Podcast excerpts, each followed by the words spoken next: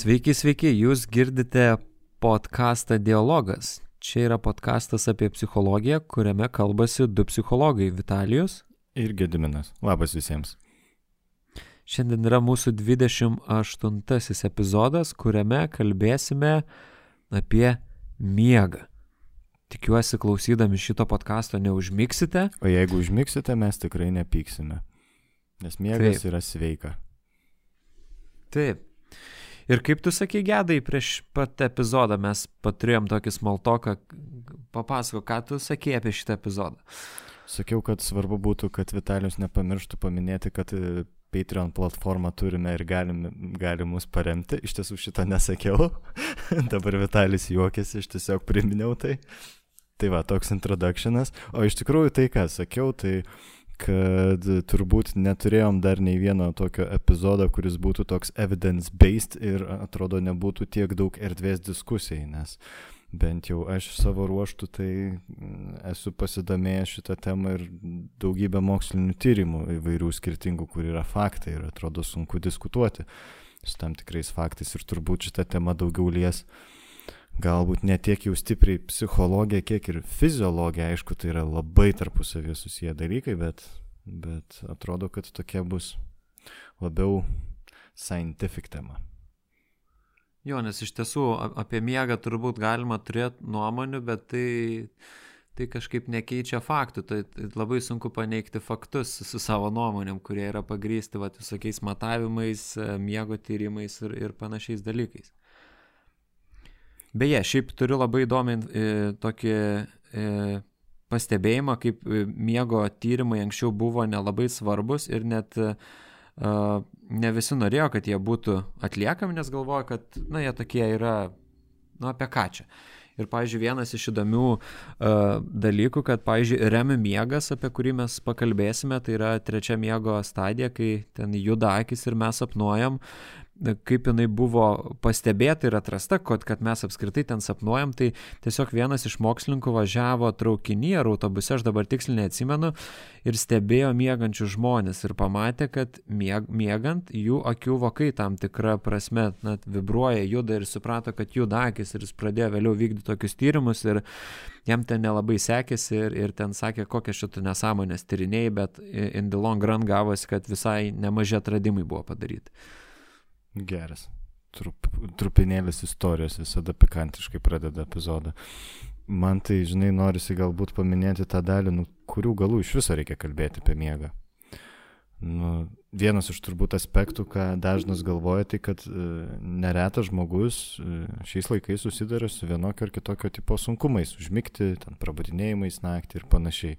Bet tai yra tik tai labai dalis, nedidelė dalis to aktualumo. Iš tikrųjų, aktualumas yra praktiškai milžiniškas ir pasidomėjęs įvairiais moksliniais tyrimais, tai aš tikrai nedrįšiau nesutikti su vieno iš miego tyrinėtojų neuromokslininko Matthew Walker nuomonė, kuris teigia, kad mes turime jau keletą dešimtmečių, bent porą dešimtmečių miego pandemiją. Ta prasme, kad uh, mūsų vakarietiškoje kultūroje yra norma ir netgi siektina daug veikti, daryti ir mažai miegoti, kas yra labai labai rimtai atsiliepia sveikatai.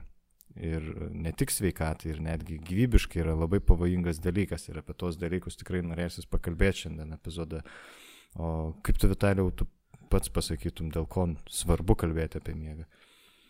Man patiko knygoje apie smegenis, kurią skaičiau, uh, skirelėje uh, miegas. Tas skirelis prasideda tokiais žodžiais, kad uh, pats svarbiausias uh, dalykas mūsų smegenims yra miegas. Ir man atrodo, šito trumpo sakinio užtenka turbūt įprasminti, kodėl miegas toks svarbus.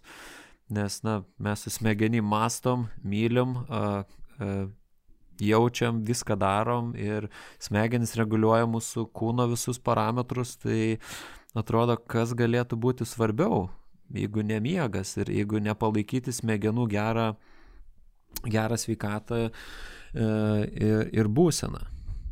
Nes kažkaip miegas, žinai, dažnai žmonėms siejasi su tokiu dalyku, kaip arba tu pailsėjęs, arba nepailsėjęs. Ir tikrai daug dabar yra atradimų, kurie rodo, kad net nejaučiant uh, kažkokio miego kokybės stokos, vis tiek nepakankamai miegant arba per daug miegant arba netinkamose sąlygose miegant sveikata yra pakankamai stipriai žmogaus veikiama. Ir kaip tu sakė apie tą miego pandemiją, kurią Matthew Walkeris minėjo, tai aš turbūt sutikčiau su tuo, nes tai labai atsispindi ir įvairiose motivacinėse kalbose, visokiose video, kur, kur siekiant, tiks, siekiant tikslų skatinamas žmogus yra mažiau mėgoti. Tu, tu pasieks daugiau tikslų, tu mažiau mėgok, tai po daugiau pasieks. Tai čia yra bullshit, aš tiesiog taip ir pasakysiu. Kažkurio etapu tu pasieksi gal biškelių daugiau, bet in the long run tu savo daug daugiau pakenksi. Jo, man labai patiko tavo tiesmukiškumas ir toks neviniojimas į vatą šitoj temai, tai e, gal tada, žinai, tą pačią natą pratesus man norėtųsi pasakyti, kad jeigu kas nors iš žmonių, kuris klausosi šį podcastą draugam ar kam nors giriasi, kad jam užtenka ten keturių ar penkių valandų miego, tai žino, kad tai yra kvaila kad tai yra praktiškai toks mazochistinis, savidestruktyvus elgesys, panašiai kaip gyrantis, nežinau, kad surukau 2-3 pakelius cigarečių per dieną ir, ir tuo didžiuojasi. Nu, tai, tai nėra tiesa. Ir iš karto norisi sudestrointi vieną mitą. Tai e, yra mitas, kad yra daug žmonių, kuriems pakanka nedidelio kiekio miego, tai yra ten tų 4-5 valandų. Taip yra tokių žmonių, bet tai yra 0,00 kažkiek procento populacijos. Ta prasme, tai yra labai labai labai nedidelis skaičius. Iš 100 tūkstančių gyventojų ten gal vienas, du žmonės. Aš dabar tikslaus skaičius negaliu pasakyti, bet uh, tikimybė yra beveik nulinė, kad jeigu tu mėgi po penkias valandas kas naktį ir sakai, kad tau pakanka, kad tu esi tas žmogus, kuriam iš tikrųjų pakanka, tai yra nekeliant jokių padarinių neigiamų sveikatai ar kognityviniam procesam, psichologiniai savijautai ir visiems kitiems dalykams. Tai labai maža tikimybė, kad tau taip yra, bet yra tokių žmonių. Bet čia vienas iš tokių mitų, kad, nu, vat, gali pakakti miego. Iš tikrųjų, jeigu kalbant taip labai trumpai apie trukmę, minimumas mažiausia riba yra 7 valandos. Augusiam žmogui reikia nuo 7 iki 9 valandų miego. Žemiau 7 valandų, jau 6,5 valandos, 6 valandos, jau tyrimai rodo sveikatai keiksmingus aspektus, apie kuriuos mes turbūt pakalbėsim, bet čia man pradžioje norėjęs tai vardinti.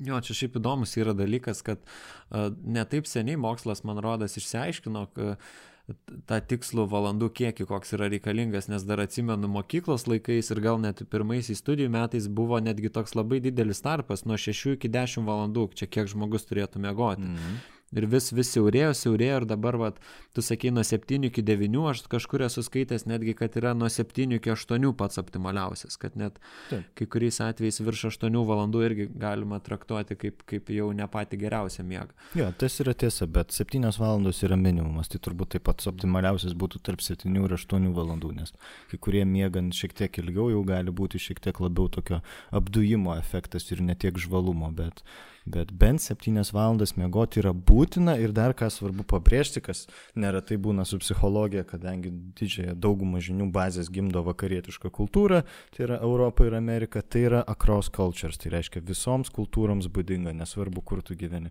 ar Australijoje, ar Antarktidoje, ar, ar nesvarbu, kur Naujojo Zelandijoje, Kinijoje, Afrikoje, vis viena tau svarbu turėti 7 valandas miego. Tai yra nepriklausomai nuo rasės, nuo kultūros dalykas. Jo, ir dar turbūt svarbu paminėti, kad e, mes kaip daugelis dirbantis e, penkias dienas per savaitę, dvi besilsintis, mėgstam savaitgaliais e, nemiegoti ilgiau arba pamiegoti, kaip sakyti, nemiegoti vakare, kažką paveikti, galbūt pasilinksminti, paskui atmiegoti. Tai vis tiek yra siūloma net ir savaitgaliais žmogui išlaikyti tą patį miego ritmą ir miegoti po tiek pat valandų. Jo, ir čia turbūt norėtųsi papasakoti šiek tiek daugiau, kodėl tai yra svarbu. Ne tik tai vat, pasakyti, taip svarbu, vat babutė sakė, bet e, tai yra labai susijęs su cirkadiniais ritmais. Su cirkadiniais ritmais, kuriuose nu, atsakinga yra daug visokių biocheminių mūsų medžiagų organizme esančių, bet viena iš tokių svarbiausių tai yra melatonino gamyba.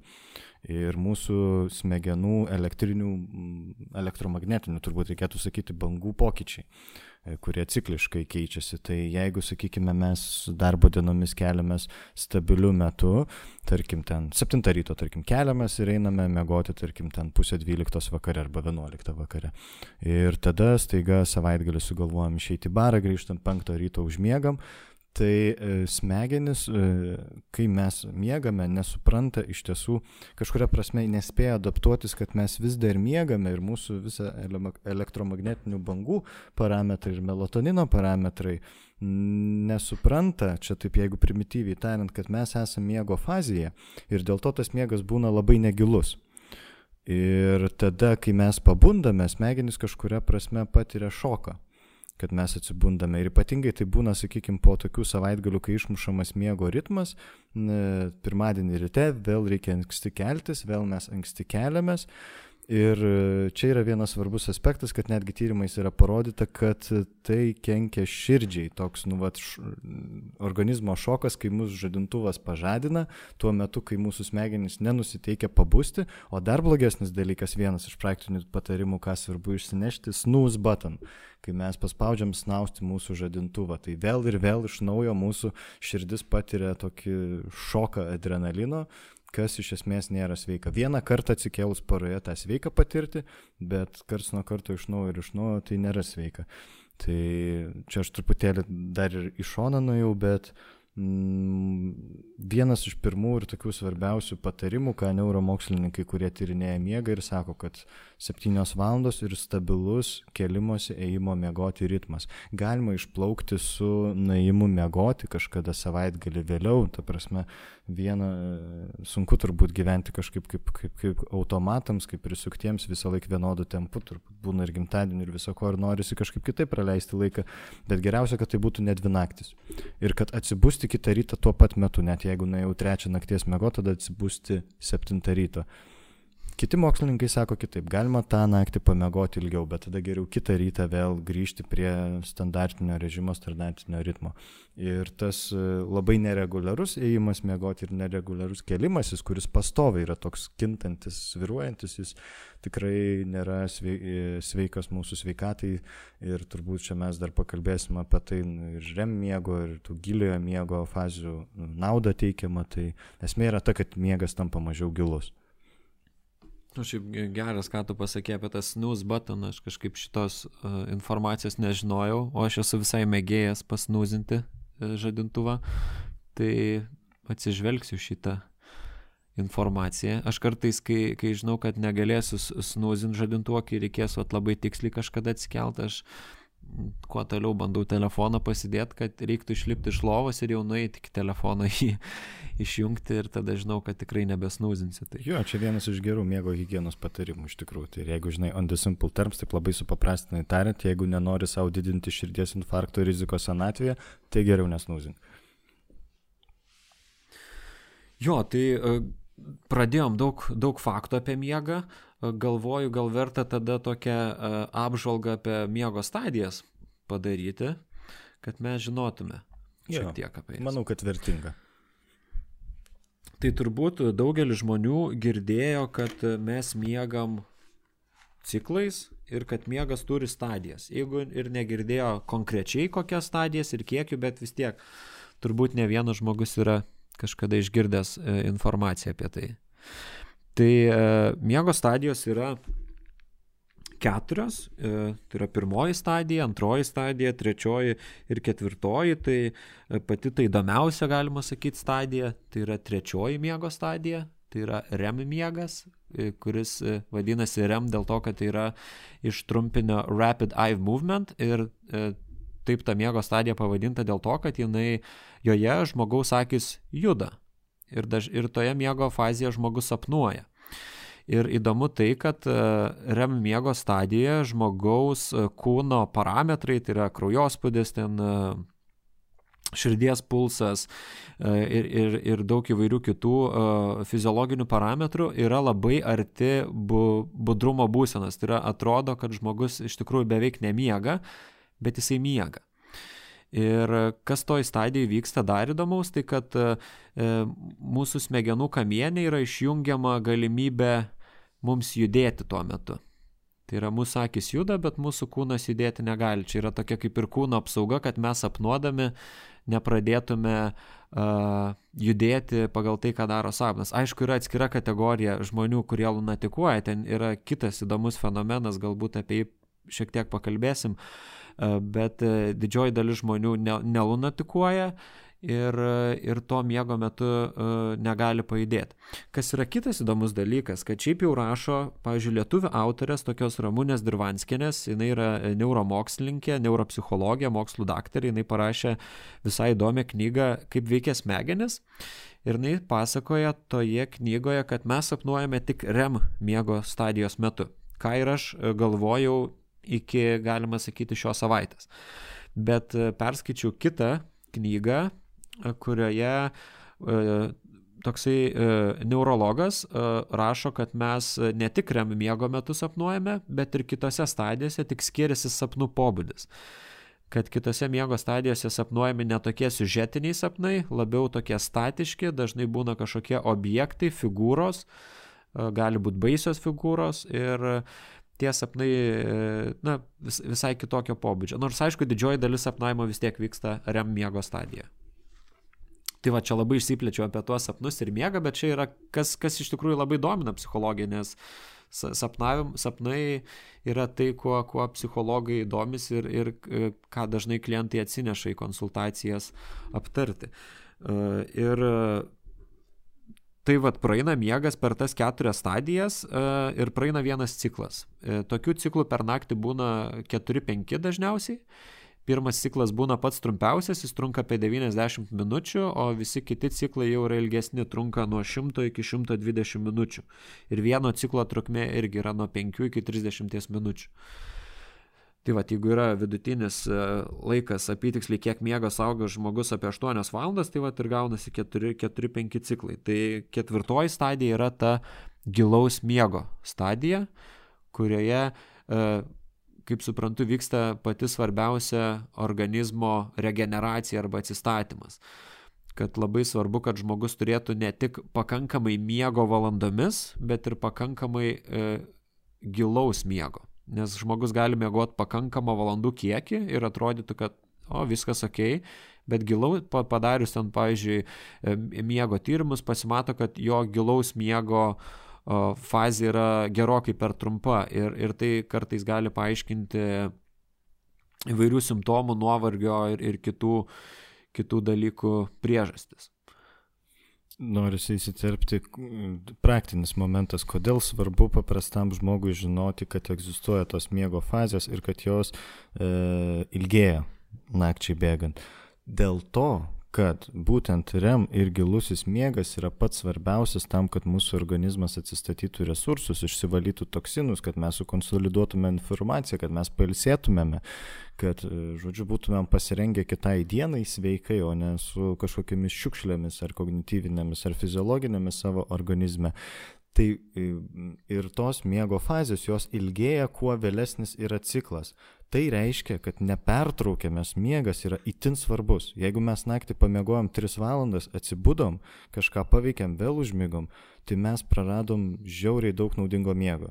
Lyginant su tuo, kai mes pramiegojom 7 valandas. Trumpi pabudimai netrukdo skaičiau šitoje vietoje lietuvių irgi kažkokios neuromokslininkės, jinai kalbėjo, buvo intervadavusi apie tuos trumpus prabudimus, kažkaip norėjusi į tai pasigilinti ir sakė, kad ten 5-10 minučių prabudimai, jeigu mes fiziškai aktyviai nejudam, ten smegenim gali ir neduoti efekto, bet jeigu ilgesniam laikui prabundame ir ten su pertraukais miegame ten po 3, tarkim, valandas, tai nieko gero. Ir čia irgi yra mitas, kažkur buvau kažkada seniai girdėjęs tokią teoriją, kad visai gerai yra ten paroj po tris maždaug ten kartus ar po du kartus miegoti, po kokias tris valandas ten, arba ten po dvi valandas, kad tai tarsi efektyviau. Mitas tai yra netiesa, labai svarbios septynios nepertraukiamo miego valandos, nes tada mes pilnai pramiegam tas REM ir giliojo miego fazes, kur vyksta labai svarbus dalykai.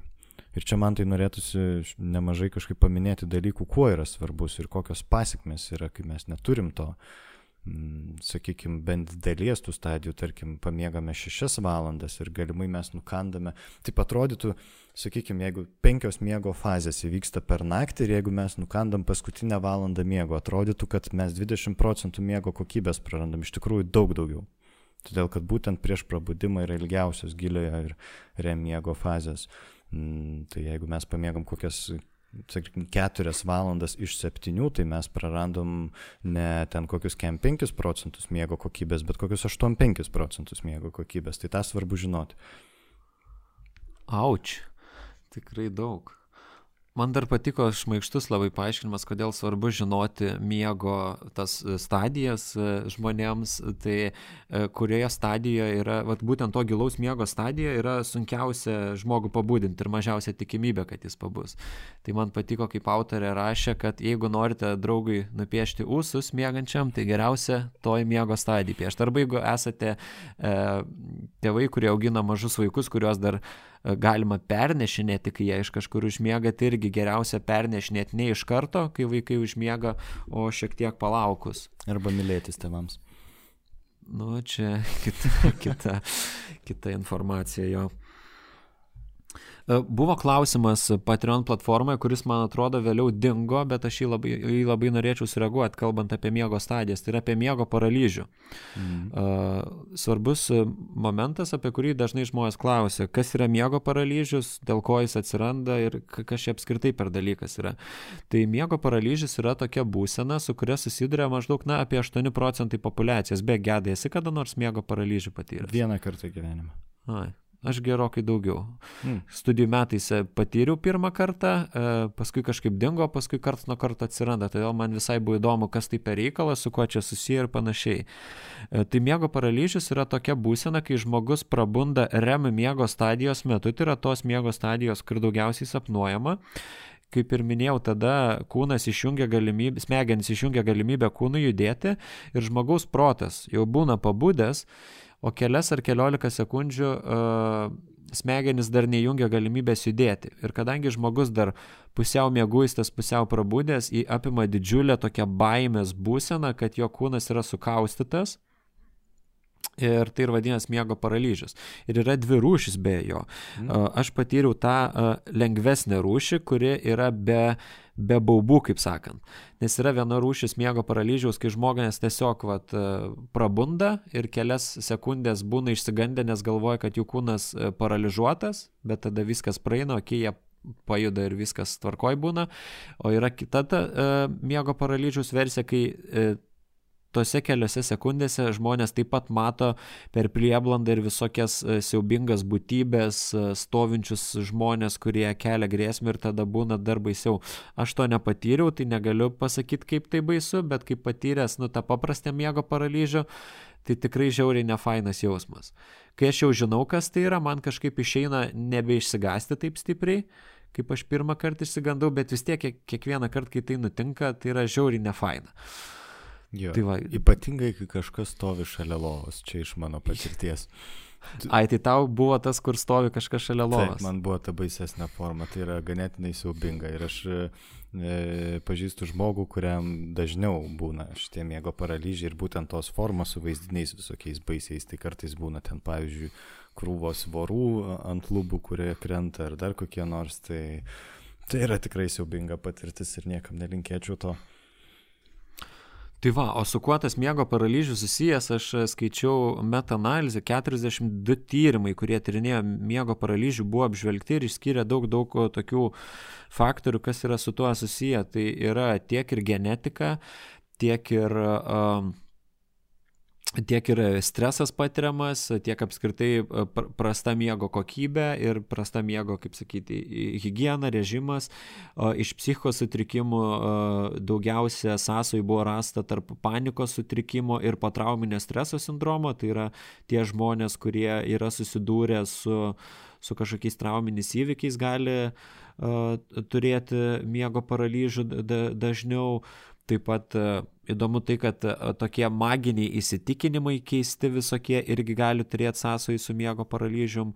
Tai nėra vienos aiškios priežasties, yra labai labai daug e, faktorių, kurie yra su tuo susiję ir galima tik gal, nu, spėlioti, E, su kuo tai šimtų procentų yra susiję, arba kaip sakyti, kas yra to priežastis, nes mes matome tik koreliacijas, bet jeigu žmogus patiria uh, miego paralyžių dažnai, tai vat, verta tikrai pagalvoti apie miego higieną, apie miego ritmą, taip pat apie patiriamą stresą ir patirtus kažkokius neseniai įvykius sudėtingus ir galbūt tai tai susijęs su tuo, kad žmogus va tuo metu kažkaip va dažniau patiria tą miego paralyžių. Aš bandžiau savo suvokti, su kuo jis susijęs, man kažkaip niekaip nepavyko atsekti, tai matyt gal, gal savaime jisai taip gaunasi karts nuo karto. Tai va, jau, jau seniai neturėjau, tai va, gal, gal ir, gal ir negrįž, bet gal grįž, nežinau. Nebijau aš. Jo, bet čia irgi yra labai individualų skirtumai. Ta prasme, kiekvienas žmogaus situacija turi būti žvelgiama atskirai skirtingai ir e, nereikia pasimti tokios informacijos, kad jeigu vat, keletą kartų yra įvykę ar ten, nežinau, kel, porą kartų metus įvyksta tas miego paralyžius, tai jau yra kažkas labai blogo. Tyrimai rodo, kad būtent REM sapnavimas ir REM stadijos metu, kuris vyksta, ir, ir kartais netgi su miego paralyžium, bet nu, nesakau, kad dažnai tą patirti yra norma, bet kad tai tyrimais įrodyta, kad patira, padeda susitvarkyti su trauminiais prisiminimais. Tai čia vienas iš aspektų, kuris yra evidence-based, tikrai moksliškai pagrystas, nu, va, jeigu keliant klausimą, kurių galų mes miegam ir kodėl reikalingas tas miegas, tai miego metu vienas svarbiausių dalykų, kuris vyksta, vėlgi primenu, kalbam apie REM ir giliojo miego stadijas vyksta informacijos konsolidavimas. Tai yra ne tik tai tos dienos informacijos, kada mes nueiname mėgoti, bet ir ankstesnės, senesnės ir įvairiausios įvairiausios. Mes žinome, kad mūsų sąmoningas žvilgsnis budravimo stadijoje nu, gali tik tai mažą, mažą lauką kažkokį stimulų atkreipti dėmesį. Ta prasme, mes nuolat patiriame daugybę regimosios informacijos, daugybę girdimosios informacijos, bet mes daugumą ignoruojam mūsų dėmesio dėmes, dėmesys tam tikrą prasme yra kaip toks žibintas, į kurį mes kažkur nukreipiam į vieną ar į kitą pusę, bet tai, kas vyksta anapusio, visokiausi kūno pojūčiai, visokiausi garsai, kvapai, kur mes tik tai bebūtumėm, jie nugula į mūsų smegenis ir miegas yra reikalingas tam, kad ta informacija būtų sukonsoliduota, primityviai vaizdžiai tariant, tai, kas nereikalinga išmetama lauk, tai, kas reikalinga e, įsisavinama, o tai, kas yra nevienareikšmiška ar keliama, kelia įvairias emocijas, kad tai būtų konsoliduojama, kažkaip apdirbama. Ir čia tyrimai iš tiesų rodo, kad tai yra labai svarbu, pavyzdžiui, man kas buvo vienas iš tokių mm, aspektų, taip, nu, vat, su atmintim, su mokymusi, su emocinių reguliacija, šita inform, informacijos konsolidacija yra ypatingai susijusi. Tai pavyzdys, tarkim, vieno tyrimo, kuris buvo įdomus, kur žmonės paėmė kelias grupės žmonių ir jis buvo pakartotas ir rezultatai buvo tie patys, mokino spausdinti kairę ranką, dešinę rankius ir vienus, e, ten neatsimenu, kiek laiko truko e, mokymai, bet žodžiu, vienos grupės mokėsi ryte ir po 12 valandų buvo testas jų miklumo spausdinimo, o kitos grupės mokėsi vakare ir kitą rytą buvo. Tai gerokai geresnius rezultatus parodė tie, kurie vakare mokėsi ir ryte e, egzaminų, taip sakant, laikė. Tai yra, jeigu yra miegas įsiterpęs į mūsų mokymasi, tai mes daug geriau įsisavinam informaciją ne tik tai kognityvinę, bet net ir procedūrinę. Procedūrinę tai reiškia, kad motorinė, judesių pavyzdžiui, jeigu mokomės kažkokiu instrumentu groti, galioja tas pats dėsnis, kad svarbu pamėgoti tam, kad ta informacija į mus įsigertų ir tam kovos menas, nu, bet ką, kam reikia kūno miklumo ir judesių. Tai su mokymu, mokymusi ir informacijos įsisavinimu ypatingai yra susijęs miegas ir čia yra daug visokių skirtingo, skirtingo dizaino tyrimų padaryta apie tai. Čia aš tik tai vieną pavyzdį paminėjau, kuris man toks visai vaizdus ir toks visai lengvai suprantamas, bet uh, Tai yra žiauriai svarbus aspektas. Jo, tai jeigu taip trumpai studentam ir moksleiviam, kurie galbūt klauso mūsų, e, pasakyti, kuo svarbu, tai jeigu reiktų rinktis ar, ar per naktį mokytis ir, ne, ir eiti egzaminą nesimokius, ar, ar geriau pamiegoti, yra geriau pasimokyti ir pamiegoti. Biškelį mažiau pasimokyti, bet pamiegoti, nes didesnė tikimybė, kad ta informacija, kurią pasimokėt, perės į ilgalaikę atmintį nes tai miego metu ir vyksta būtent. Jo, ir pamiegojus pasikartoti yra ypatingai svarbu. Tai čia iš tikrųjų dauguma studentų daro savo didžiulę meškos paslaugą, mokydamiesi egzaminams naktimis, bet kita vertus tai yra suprantamas reiškinys, kodėl tai vyksta, nes informacija daugiau mažiau nugula į trumpalaikę atmintį, kuri tada po egzamino išlaikius jį einant miegoti arba į barą išgerti ir tada išsimiegant, jinai 90 procentų jos dinksta ir beveik nieko neatsimenam, bet jeigu norisi, kad tas moksl... mokymas mokymasis būtų kažkiek efektyvus ir to žinios liktų mūsų galvoje, tai tada labai labai labai svarbus e, miegojimas tuo metu. Jo, tai aš dar nepabaigiau apie miego paralyžių. Okay. Taip labai trumpai dar papasakosiu, kas irgi su juo susiję e, iš tų objektyvių tokių elementų, tai uh, alkoholio vartojimas uh, gali būti susijęs irgi su miego paralyžium, sakiau, stresas, traumos patirtas, psichologinės, genetiniai reikšmiai, reikškiniai, kažkokios fizinės lygos, asmenybė netgi gali būti susijusi ir taip pat tiek objektyvus miego sutrikimai, tiek subjektyvus. Tai yra subjektyvus, tai yra, kad žmogus kaip e, nu, subjektyviai sako ir patiria, kad na, turbūt jo miegas yra kažkoks uh, blogas. Tai žodžiu, daug, daug visokiausių veiksnių ir tavo turbūt ta mintis labai gera, tai kiekvieną atvejį reiktų atskirai žiūrėti ir, ir jeigu žmogus labai kenčia nuo to miego paralyžiaus, tai nu, su specialistu kalbėtis. O šiaip jau, prieš pabaigiant, kalbėjau su pora bičiulių gydytojų, tokį labai žmogišką klausimą, sakau, tai žiūrėk, o tai kas gydo miego sutrikimus. Neurologai, psichiatrai, dar kas nors. Sakau, kur, kur siūsti žmogų, jeigu vat, galvoji, kad galbūt miego sutrikimo priežastis ne tik psichologinės ar kažkokios streso paveiktos. Tai atsakymas ir tie, ir tie. Ir netgi vienas bičiulis sakė, kad ir netgi pulmonologai gydo, pavyzdžiui, miego apnėją tada, kai žmogaus kvepavimas sustoja. Tai netgi ir, galima sakyti, trijų, trijų sričių gydytojai tuo apsiema. Tik va, skirtumas tarp neurologų ir psichiatrų, kad neurologai labiau tos uh, fiziologinius parametrus miego tyrinėja ir, kaip sakyti, atsižvelgia į juos ir ten visokias miego tas diagramas daro matavimus, pamiršau kaip tas žodis vadinasi, kaip, kaip vadinasi tie miego matavimai, bet nu, nesvarbu. O psichiatrai labiau vat, makaluoja vaistais ir, ir bando paveikti miegą vaistų kombinacijų pagalba. Tai jeigu čia taip trumpai žmogiškai paaiškinant. Ir šitoje vietoje noriu įsiterpti, tiesiog papildyti, gal išplėsti labiau tai, ką tu sakėjai, vat, pavyzdžiui, apie tos faktorius, kurie uh, prisideda prie miego paralyžiaus, tai Tu išvardinai keletą ir bendrų dalykų, aš paskui irgi norėsiu juos paminėti apie tuos faktorius, kurie kenkia mūsų miego kokybei, bet dar norisi pasakyti, kad taip ne, neišskirti čia miego paralyžiaus, kad miego sutrikimų iš tikrųjų priskaičiuojama apie šimtas įvairiausių skirtingų formų, visokiausių. Ir taip, skirtingi specialistai dažnai reikalingi, kad juos įvertinti ir tam yra miego sutrikimų gydimų centrai. Man regis, Vilnius, Klaipėda ir Kaunas turi bent po porą jų, nežinau kaip kituose miestuose, bet e, šituose miestu, miestuose tikrai jie yra ir galima į juos kreiptis, jeigu tai nėra išorinės priežastis, bet Čia tikrai visada pirmas svarbu sutvarkyti miego higieną, po to galvoti apie sutrikimus, nes iš tikrųjų apie 90 procentų tų vadinamųjų nemėgų tai galima sutvarkyti tiesiog sutvarkius visus tuos įpročius, apie kuriuos tikrai mes pakalbėsime dar šiandien ir, ir tada nereikėtų net jokių e, specialistų pagalbos. Bet vienas įdomus dalykas su vaistais.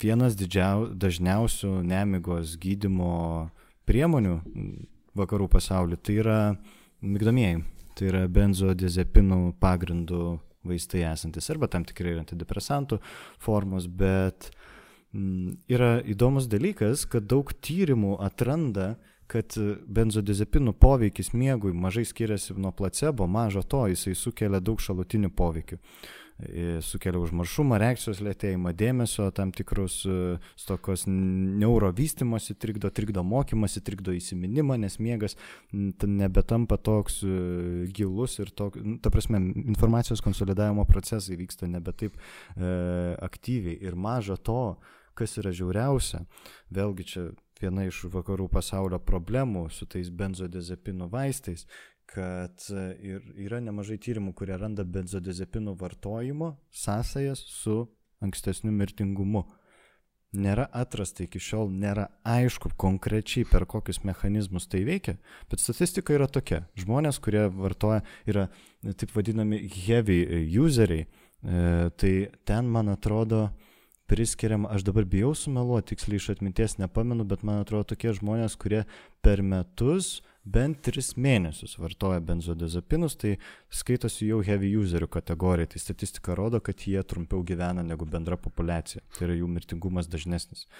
E, ir, ir ne dėl kažkokių, ta prasme, išorinių žučių ir panašiai, bet dėl būtent degeneracinių procesų, kurie, mhm. kurie vyksta viduje. Ir hipotezės yra apie širdies lygas, apie infarktus, e, apie tai, kad tai yra net statantis miegas ir dėl to mumise lieka toksinai ir dėl to tampame mes jautresni visiems šitiem dalykam ir tie tokie laipsniški ilgalaikiai pažeidimai atsiranda mūsų sveikatoje. Tai čia viena iš tokių hipotezių, bet dar tai nėra šimtų procentų patikrinta, bet žodžiu, vaistai nėra pats geriausias būdas e, gydyti nemigoms ir tą labai labai labai svarbu žinoti. Tai yra tik tai labai labai ekstra atvejams, kai yra labai sunkios aplinkybės, itin sunkios, kai yra chroniškas neišsimagojimas, yra kitų gerokai sveikesnių būdų. Mes paminėsim juos. Ja. Tai šiaip skamba logiškai, ką tu pasakėjai apie tas benzodiazepinus ir, ir tą mirtingumą, ta prasme, kad turbūt galima įsivaizduoti, kaip atrodo žmogus, kuris nuolat vartoja benzodiazepinus, tai tas, kuris nesusitvarko su nerimu ir stresu. O jeigu tu nesusitvarkai savo, savo nu, kaip sakyti, tam tikrais įgūdžiais be vaistų, tai labai, nu, kenčia tavo kūnas nuo streso, kenčia kūnas, kenčia širdis ir kitos organų sistemos ir būna toks krachas biškelių turbūt. Nu čia, čia tik fantazuoju, bet nu viskas skamba logiškai ir mokslas turbūt atsakys, kaip čia kas susiję. Jo, aš manau, kad su laiku tie ryšiai bus aiškesni, bet tai, kad tu iškėlė tą hipotezę apie nu, vat, nerimo pasiekmes organizmą, tai manau, kad visai legit. Jo, dar man norisi, žinai, paminėti apie, ar tu nori dar pratesti apie Miego paralyžių. Ne, ne, aš apie miego paralyžių iš vis norėjau labai trumpai okay. gavus, kad priešnekėjom daug. Tai man norisi dar apie svarbą miego, kodėl svarbus ir kodėl giliosios miego fazės REM yra svarbios. Tai apie informacijos konsolidavimą paminėjau, kitas svarbus, žiauriai svarbus aspektas tai yra emocijų reguliacija kad e, sklandus, sėkmingas miegas padeda daug geriau reguliuoti emocijas. Ir tyrimai rodo, kad jau net šešios valandos miego per naktį tai yra valanda mažiau negu septynios, tas minimumas, kuris reikalingas, jau sutrikdo mūsų emocinę reguliaciją. Ką tai reiškia? Tai jeigu paprastai būtiškai, tai mes tada būname dirglesni, mūsų reakcijos būna tokios umesnės, taigesnės, ta prasme į visokius dirgiklius išorinius būname labiau suirzę, tai čia galima būtų galvoti, ko tyrimai neieško, bet šiaip man įtėjo į galvą į tok, e, tokią hipotezę, kad tikėtina, kad turbūt tada socialiniai santykiai irgi kenčia, kas yra vienas iš svarbių aspektų. Kai mes būnam gerokai dirglesni, mums sunkiau palaikyti darnius e, santykius. Ir taip pat yra e, pastebėta, kad daug didesni yra nuotaikų sviravimai. E, jeigu mes neišsimiegame. Tai reiškia, kad jeigu mes, sakykime, patiriam nerimą, tai jis sumesnis. Jeigu mes prislėgti jaučiamės link depresijos judame, tai mes daug depres, depresyvesni būsime. Jeigu, nežinau, mes ten kažkaip link manijos judam, tai jinai bus dar stipresnė. Tai čia yra tas labai svarbus aspektas. Kodėl taip yra? Todėl, kad e, vie, e, mūsų emociniai centrai yra atsakingi už e, emocijų reguliaciją ir miego metu mūsų asociacinė žievė stebimas didelis neuroaktyvumas tarp asociacijos žievės, tai yra kaktinės kiltės, kur svarbi už visą tą mūsų reguliaciją, taip sakant, aukščiausias kognityvinės funkcijas ir tarp emocinių centrų.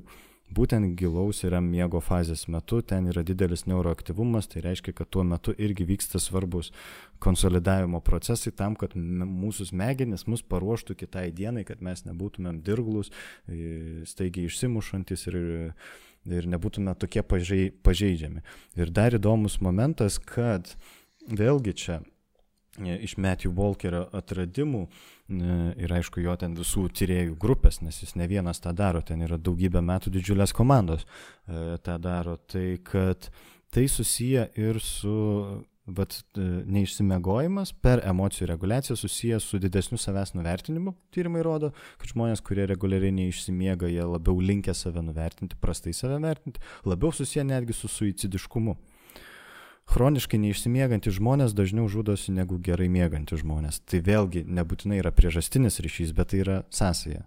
E, ir vienas irgi svarbus momentas, kad e, tai labiau e, chroniškas neišsimiegojimas skatina ir svaigalų vartojimą, narkotikų arba alkoholio. Tai reiškia, kad kai aš nepakankamai išsimiegu, aš tampu tirklesnis, man sviruoja nuotaikos ir tada aš pasitelkiu išorinius emocinius reguliatorius, tai yra arba narkotikus, arba alkoholį, kurie man tuo metu tarsi padėtų padėtų sureguliuoti mano dirglumą, nusiraminti. Nu, labai paprastai neišsimegau, piktas ir zlus, vakarį išgėriau valaus, nusiraminau ramu.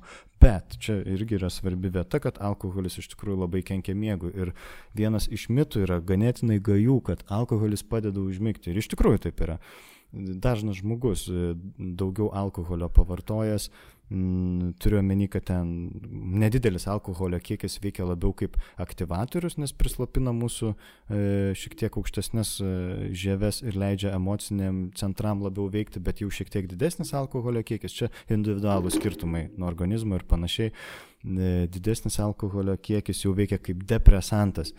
Ir dėl to mes galime lengviau užmigti, bet tada labai nukenčia mūsų giliojo ir rem miego fazės. Tai reiškia, kad mūsų miegas tampa net statantis ir neproduktyvus.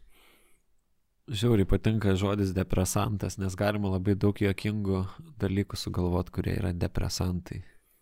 Pavyzdžiui. Pa, pavyzdžiui, vėluoja kurjeris atvežti iš, iš Amazon užsakytą prekę, viskas depresantas. Nu čia kas pirmas atėjo galva, žodžiu. pajokavau nei tvorą, nei mėtą. Bet jo, miegas, miegas tai apskritai labai svarbus psichikos sveikatos turbūt yra indikatorius, nes mes žinom, kad e, vienas pagrindinių ir, ir nemažai psichos sutrikimų simptomas yra sutrikęs miegas. Ir apskritai žmogaus gyvenimo situacijos tam tikras rodiklis yra miegas. Aš nežinau, kaip tu savo praktikoje gedai, bet aš gana dažnai žmonių klausiu, uh, kurie ypač patiria įtampą, stresą, nerimą, vat, kaip jie miega mhm. ir kaip, kaip atrodo jų, jų miego režimas.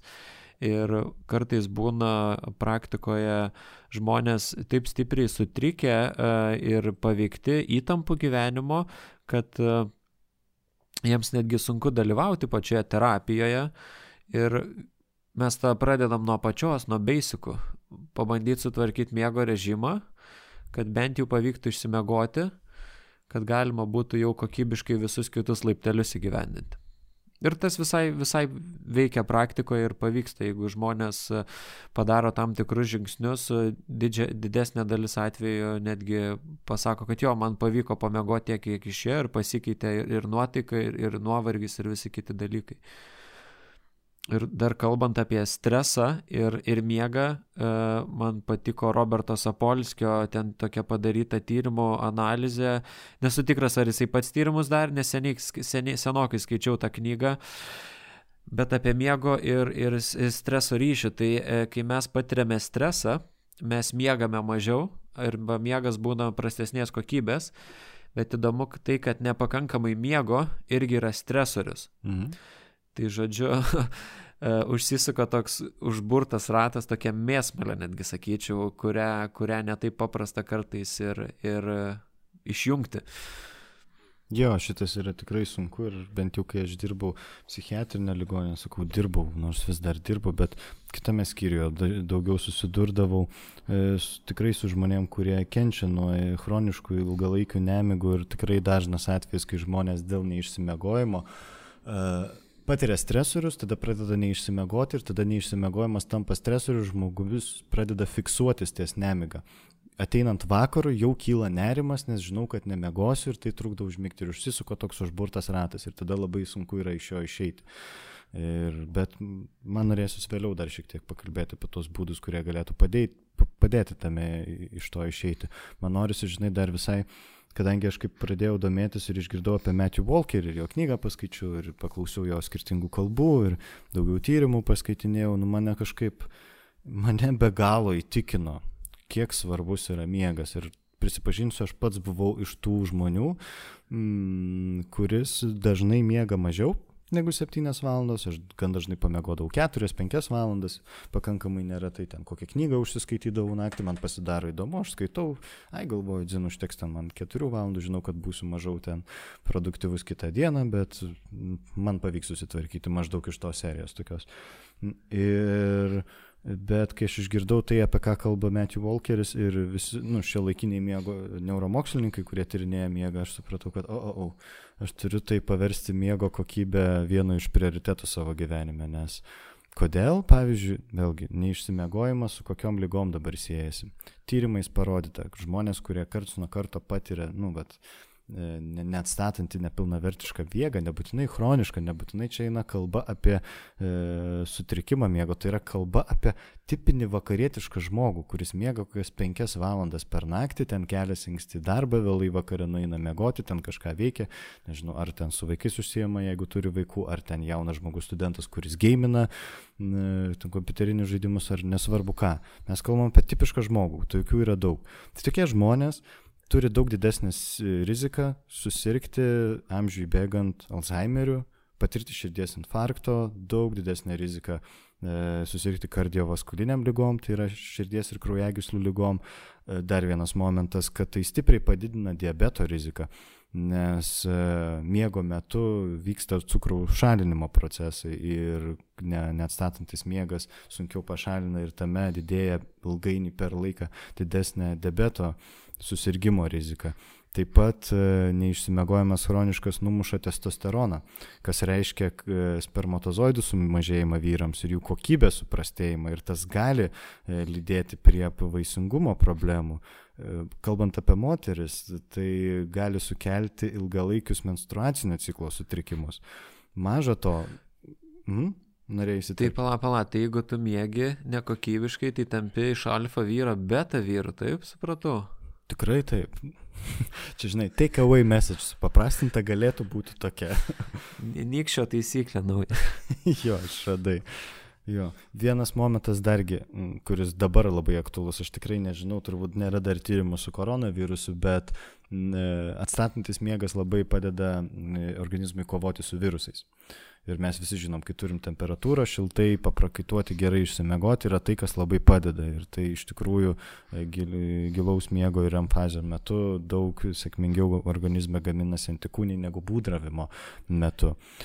Dar vienas momentas, kuris irgi toks ypatingai svarbus, tai yra, kad mm, kodėl kalbame apie toksinus, aš nesileisiu tas detalės tas medžiagas visokias, nes aš ir pats labai stipriai nesigilinau tos visus biocheminius organizmo procesus, nes nesu neuromokslininkas ir tikrai gerai neišmanau tų procesų, bet supaprastinta kalba, iš esmės, nu, vat, atstatantis miegas padeda išsivalyti tiem biocheminiam toksinams, kurie yra mūsų organizme, o jų besikaupimas nuolatinis ir chroniškas padeda vėžio lastelių gamybai. Tai reiškia, jeigu mes reguliariai neišsimiegam, mes turim daug didesnę riziką.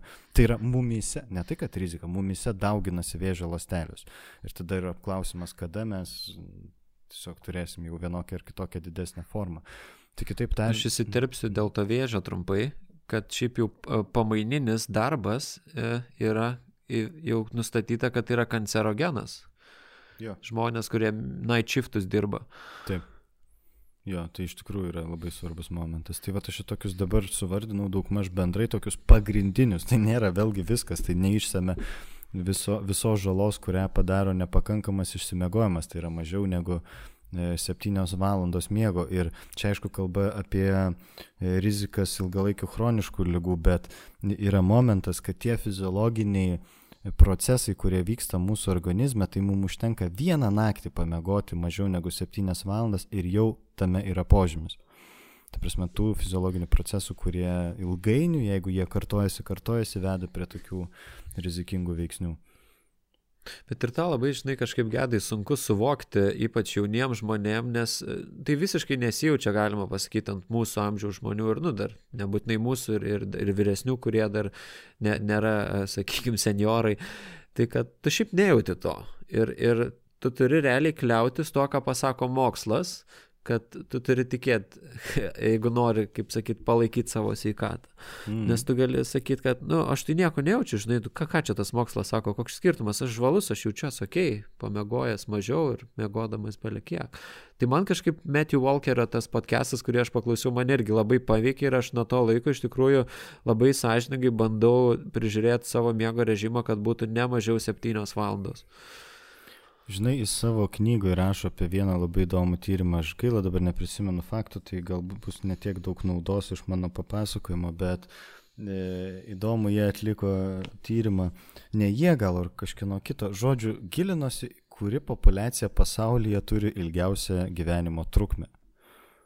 Pasirodo, vienas pagrindinių veiksnių, aš neatsimenu dabar konkrečiai, konkrečiai kokie ten buvo, ten man reikės Indonezijoje kažkokia tai neatsimenu, kas ten, tikrai negaliu atsiminti pavadinimo, gal kažkas, jeigu atsimins, nežinau, komentarą parašys po postu ar dar ką nors, bet uh, įdomus dalykas, kas juos be nelabiausiai išskiria nuo kitų populiacijų, nuo vakariečių, rytiečių, nu, nu, apskritai nuo bet kokių labiau civilizuotų kraštų, tai kad jie ilgiausiai miega. Ir jie miega siestos metu. Jo, tai jie panepina. Jo, jie ir panepina, ir jie naktimi, ta prasme, ne tai, kad ilgiausiai miega, tai nereikia suprasti gal, kad jie miega ten 14-15 valandų, bet jų miegas yra kokybiškiausias. Jie neturi, ten kultūriškai nėra skatinamas, nežinau, neišsimiegojimas, ten žmonės normaliai ten minimum 8 valandas išsimiega visi ir ten yra mažiausiai nemigų rodikliai ir ten yra ilgiausia gyvenimo trukmė. Neatsimenu kokia tai kultūra, bet kažkokia, žodžiu, mažiau civilizuota, trečiojo pasaulio labiau.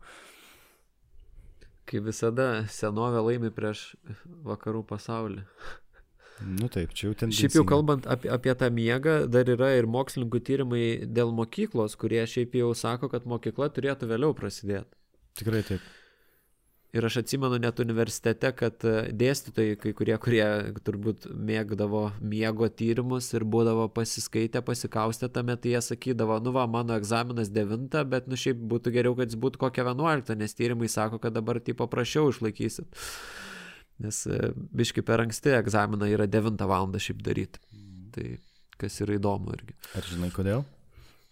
Uh, nepasakysiu dabar kodėl. Dėl mūsų cirkadinių ritmų e, žmogaus gyvenimo eigoje jie kinta. Ir čia man norisi pasakyti itin svarbią informaciją. Ir man labai patinka, kaip vienas sakintis pats jau minėtas Matthew Walkeris labai gražiai savo knygoje įvardina. E, tai e, kūdikiai ir maži vaikai jiems reikia daugiau miego, ir jų cirkadinis ritmas yra toks, kad jiems svarbu kur kas daugiau mėgoti, nes vyksta daug daugiau neurogeneracinių procesų, dėl to tas miegas yra labai svarbus, nes reikia daugiau organizmo resursų, kad tai vyktų, nu žodžiu, ir visokios kitokios priežastys. Tada yra įdomus fenomenas, kuris stebimas, kad paauglystėje cirkadinis ritmas eina į vėlesnę pusę, vėlesnę paros pusę. E, tai reiškia, kad paaugliai, dauguma mūsų, kai mes buvom paaugliai ar esam paaugliai, e, mums e, natūraliau yra užmigti vėliau ir vėliau keltis.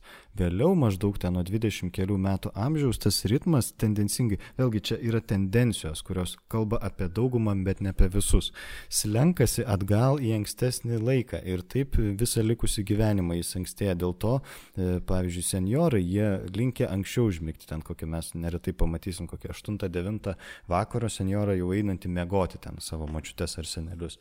Ir tai yra natūralus biologinis procesas, kuris mumise vyksta. Bet ką dabar tai reiškia apie žmonės, kurie eina į mokyklą?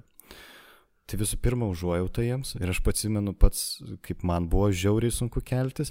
Matthew Walkeris labai gražiai e, tą pasako. Nu, at, kai mes lyginam cirkadinį ritmą suaugusio žmogaus, tai yra tėvo mamos, su jo vaikais ten 12-13 metų, tarkim, paaugliais. Tai reikalauti iš paauglio, kad jis nueitų mėgoti 10 val. vakaro, tai tas pats, kas suaugusiam eiti 7 vakaro mėgoti. Ir reikalauti iš paauglio, kad jis 8 ryto būtų žvalus ir darbingas ir produktyvus jau mokykloje, tai tas pats, kas suaugusiam būti žvaliam ir darbingam 5 ryto. Ir čia ypatingai yra svarbi informacija, kur yra pilna mitų, ta prasme, kur daug tėvų galvoja, kad paaugliai yra tinginiai ir tingi keltis ir ilgai ten sėdi prie kompo ar čatina ir panašiai. Ir, ir kad jie nu, niekaip ne, neklauso, nesusitvarko ten, nežinau, tėvai niekaip su jais ir, ir tada jie mėguisti būna, tada ir mokytojai pyksta, bet jie nežino labai paprastos, bet itin svarbios informacijos tai yra apie cirkadinį miego ritmą. Tai tikrai taip daug sveikiau būtų, jeigu, pavyzdžiui, mokyklos, tarkim, Lietuvoje ir visos mokyklos prasidėtų nuo kokios, tarkim, 10 ryto, ne nuo 8, galbūt nuo 11 netgi ryto ir truktų šiek tiek vėliau į vakaro pusę. Tai daug sveikiau būtų visiems žmonėms. Ir aš pats atsimenu per save, kad man pirma, antra pamoka, aš pradėdavau 8 ryto pamokas, man būdavo žiauri kančia. Nuo trečios pamokos aš jau atsibūsdavau. Jo, aš šiaip įdomu, kad ta informacija nėra tokia jau nauja ir e, klausimas, kada, kada nors pritaikys, ką nors tą švietimo sistemą, nes Man atrodo, šiaip labai sunku tą būtų gyveninti vien dėl to, kad visi bureliai, visi, visos popamokinės veiklos jau visos taip sustatytos yra, kad reiktų kardinaliai viską pakeisti. Bet aš tai visai norėčiau, kad tas pokytis įvyktų ir labai įdomu būtų, kas, kas pasikeistų tada. Jo, ir čia kažkuria prasme galima būtų sakyti, kad jeigu, žinai, taip žiūrėti tokias biški samokslo teorijos, kad kultūriškai saugusieji diskriminuoja paauglius. Jo. Ta Tai prasme, galit nes išsikirpti mokyklų- šitą paaugliai, ką gedas pasakė. Jo. nu. Ir, ir panaudoti prieš savo tėvus. ir neiti pirmasias pamokas, jas praleisti, nes jos neįdomios ir jums jų nereikės. Ne, gerai, šito tikrai nepriimkit. Čia aš dabar visiškai juokauju. Bet esmė yra tame, kai aš, ką aš sakau, ką aš turiu menį tai sakydamas, kad, nu, vat, būtent pamokų būrelių ritmas yra pritaikytas prie oficinės suaugusio darbo dienos. Pradedam 8, baigiam 5. Daugiau mažiau ten, ar ten baigiam 6 kokį nors.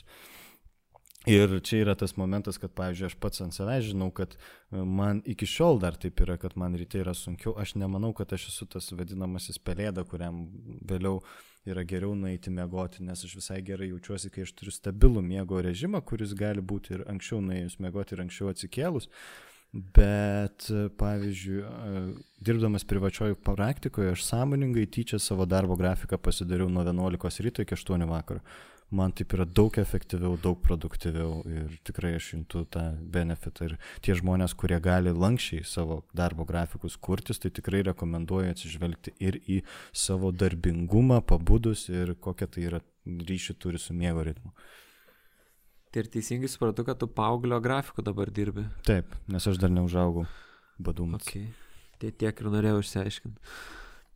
Ar, ar dar norėjai kažką pridėti šiaip apie miegą, nes aš prisiminiau, kad mes turim žiauriai daug klausimų Patreon platformoje, gal netgi daugiausiai iš visų podcastų, kiek gavom. Jo, tai šiaip tai aš tikrai turiu ką pasakyti dar apie tam keletą aspektų, tokių prieš einant prie klausimų. Tai nežinau, ar tu dar norėtum kažką papasakoti, nes Ne, aš galvoju, galėtume atsakyti klausimus ir tada pabaigoje apibendrinant pasakyti, kokia yra gera miego higiena ir, ir ką svarbu atsižvelgti. Mm, Ar tu norėjai Okay. dabar tą padaryti? Tai man gal dar porą dalykų norisi pasakyti, tokių irgi visai svarbių, tokių, kurie gali būti praktiškai naudingi, kas tyrimais yra pagrįstas, su kuo susijęs geras išsimiegojimas, tai yra su kūrybiškumu, kad vėlgi sprendimų įvairių atradimas, informacijos konsolidavimas, yra daugybė visokių tyrimų, ten e, mes žinom garsę Mendelevo istoriją, kuris ten susapnavo tą mm, savo elementų e, lentelės galutinę kombinaciją, kad patiriamos išvalgos ir tikrai kūrybai padeda, tyrimai įrodo. Vienas iš tokių svarbių aspektų. Ir kitas, kurį man labai norisi paminėti, vėlgi Matthew Walkeris, kurį akcentuoja, ko mes dažnai neįsisamoninam. Ir yra tikrai be galo įdomių tyrimų, kurie, pavyzdžiui, tyrinėja žmogaus reakcijos laiką. Ir įdomus dalykas, kad ne, gaila negaliu pasakyti dabar promilių, bet neišsimiegojimas, tai yra, pavyzdžiui, 5 valandos naktį miego, e, yra prasčiau negu lengvas girtumas. Tai yra ten, tarkim, aš negaliu dabar tiksliai įvardinti, bet tikėtina, kad maždaug alaus kiekiais gautųsi, tarkim, viena alaus skardinė, toks apsvaigimas tiek nepakenkia reakcijos laikui, kiek 5 valandos miego per naktį. Tai yra mažiau negu 7 valandos. Jau didesnis šiek tiek e, apsvaigimas alkoholiu jau dar labiau lėtina miego trukmę. Dabar ką tai reiškia? Tai reiškia, kad jeigu mes galvojam apie tai, kad daugybė žmonių žūsta autoavarijose arba dėl savo ar dėl kitų kalties. Ir mes kalbame nuolat apie alkoholio prevenciją, bet niekas nekalba apie svarbų miego buvimą. Ir Matthew Walkeris. Mes dabar kalbam. Taip, Matthew Walkeris kalba apie tai ir ėmėsi stipriai tyrinėti ir iš tikrųjų yra tyrimais nurodyta, kad tyrimais atrasta, jie ten žiūrėjo visokiausius duomenys, ten yra labai skirtingų tyrimų, bet žodžiu statistinės imtis e, žmonių, ten biografijų pagal atsiliepimus, kaip kas vyko prie žūstant avarijoje, tų žmonių, kurie, kurie žuvo. Čia JAV tyrimai. Tai e, tyrimais priskaičiuojama, kad iš tų auto avarijų, kuriuose žūsta žmonės, maždaug nuo 7 iki 20 ir daugiau procentų atsakomybė tikėtina yra neišsimiegojimas. Tai reiškia, kad tam tikrų nelaimingų įvykių galima buvo išvengti esant greitesniam reakcijos laikui, kurį labai stipriai sulėtina neišsimiegojimas. Ir šitą, kai aš sužinojau, aš šitą pats pradėjau jausti. Ir aš pastebėjau, kad man tikrai labai padėjo, pavyzdžiui, kai aš būna kartais, kad neišsimiegu, tarkim, pamiegu kokias keturias valandas ir aš turiu kažkur važiuoti, aš visą laiką gerokai lėčiau važiuoju, gerokai atsargiau su automobiliu. Ir tikrai aš pastebiu, kad mano reakcijos laikas prastesnis. Ir tikrai buvau tokioje situacijoje vieną kartą, kur vos nepartininkau pešioje. Ta naktį išmėgau 3 ar 4 valandas. Taip, kad tai tikrai nėra jokingas dalykas, ta prasme, ir savo kailiu aš tą esu patyręs ir tyrimai tą rodo ir tai yra ypatingai svarbus dalykas, nes e, iš to galima išsinešti tokią labai dramatiškai skambančią išvadą, bet kad neišsimiegojimas yra mirtinas. Jo, aš irgi savo kailio su tą prisidėsiu patyręs, kai ne kartą turbūt, ne, tikrai ne vieną kartą vos nuo kelio esu nenuvažiavęs autostradui, kai teko naktį važiuoti ir buvau mėguistas labai. Ir aš prisimenu keto knygelėje kelių eismo taisyklių, e, kur rašoma, kad jeigu jauties pavargęs, kad sustok pamiegoti arba pailsėti kelkraštį. Ir yeah. galvoju, negi tu pusi čia dabar stosi ir ilsėsies. Aš galiu vairuoti nepailsėjęs. Ir jo, ir kai susimastai, kad ne, iš tikrųjų geriau pailsėti yra daug geriau. Jo. Ir dar, žinai, prieš einant prie patronų klausimų, man norisi dar vieną mitą sugriauti, kuris yra gan dažnas. Ir aš žinau, kad nemažai ir mano pažįstamų žmonių to tiki. Miego skola yra mitas. Daug žmonių galvoja, kad jeigu mes kažkurio metu neišsimiegame, mes tada galime atsimiegoti ir taip susigražiname uh, tarsi prarasta miego laiko. Netiesa, visi tie biocheminiai procesai, visi tie toksinų kaupimas į mūsų organizme, vėžio lastelių dauginimas, to neatstato. Jeigu mes darbo dienomis miegame po 4-5 valandas ir savaitgalį nulūštame 12, tai beveik nieko nekenčia. Yra tyrimai, kai kurie pastebi, kad savaitgalį pamiegojimas ilgiau gali būti kai kuriems žmonėms visai naudingas, ta prasme, kad jau nėra taip blogai, kad jeigu tu turi stabilų miego ritmą ir jis yra pakankamas, tada gali daugiau pamiegoti. Bet tai nereiškia, kad tu gali čytinti savaitgalį daug miegodamas ir tada maždaug, kad darbo dienomis aš galiu savo leisti miegoti mažiau. Ne, tu vis tiek susidursi su ta pačia žala sveikatai ir didesnė lygų rizika. Jo, tai čia faktą po fakto traukia iš kišenės, kaip lievai yra nemegoti. Tikrai taip. Gal, pamie, gal pamiegam geriau tiesiog. Tavai, gal baigiam šitą epizodą ir einam mėgoti. Jo, eisim po patronų klausimų. Važiuojam. Tai aš pradėsiu. Mūsų patronas Linas klausė, Kalbant apie miegą, man visada nedidelis pavydas apima galvojant apie žmonės, kurie užmiega vos galva paliečia kokį minkštesnį paviršių. Man dažnai būna, kad esu pavargęs, bet galvoje tiesiog verda mintis, kurios palaiko kažkokio lygio budrumą ir neleidžia atsipalaiduoti ir judėti link miego. O jeigu mažiau aktyviai judu, sportuoji būna gan prastai, tada link nerimo ir savęs merkimo minčių užsisuku. Tokia situacija dar, labai, dar labiau nuliūdina, nes susivokiu, kad nepadarau to, kas man labai padeda palaikyti gerą savijautą ir to pačiu miegą. Tai vad kartais net pats pamaitinu tą situaciją ir ją komplikuoju savo mintimis prieš pat užmiegant ir vėl prasibūdinu. Dabar skiriu daugiau laiko savo pomėgiams, aktyviam laisvalaikiu ir viskas pagerėja.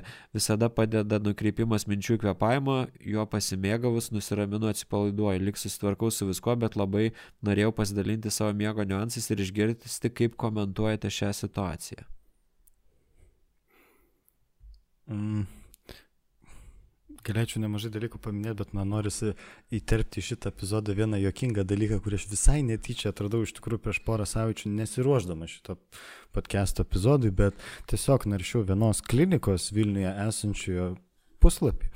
Ir kažkaip ten išmetė prie naujienų kažką apie miegą, galvoju, atsidarysiu ir perskaičiau tokią, tokią, tokį patarimą, radau, kuris man labai patiko, kaip skamba. E, čia, kad padėtų Linui ir padėtų kitiems žmonėms užmėgti. Tai patarimas skamba taip.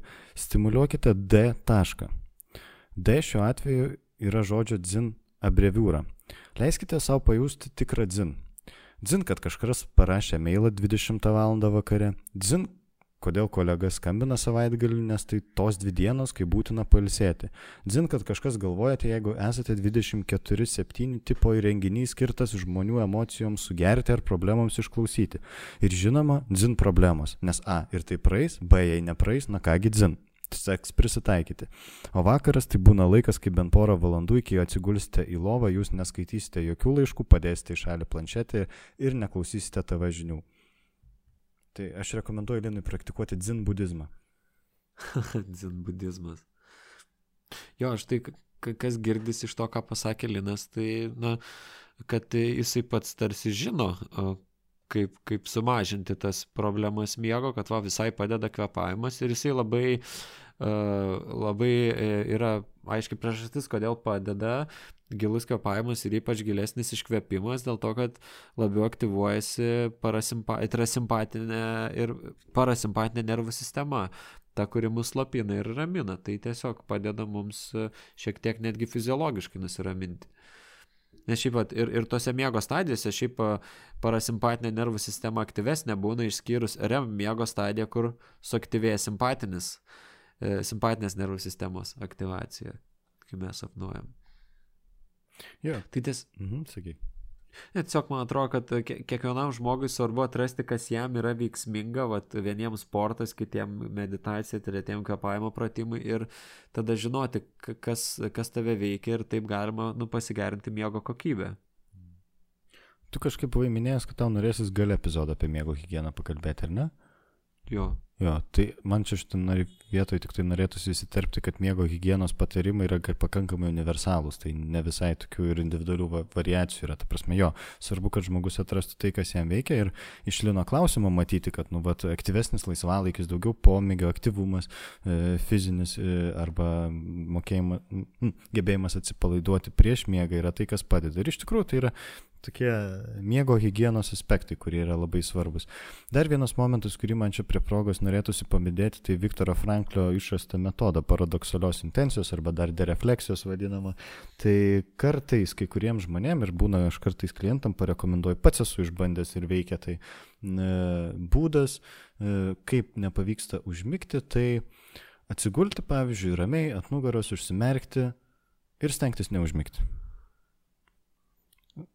pasistengti, nu, vat atsigulėt, ramiai, gulit, vakare, lovoj, nieko neveikia, telefonas padėtas ir panašiai, tiesiog gulit, užsimerkė ir galvojat, nu, va dabar nemegosiu.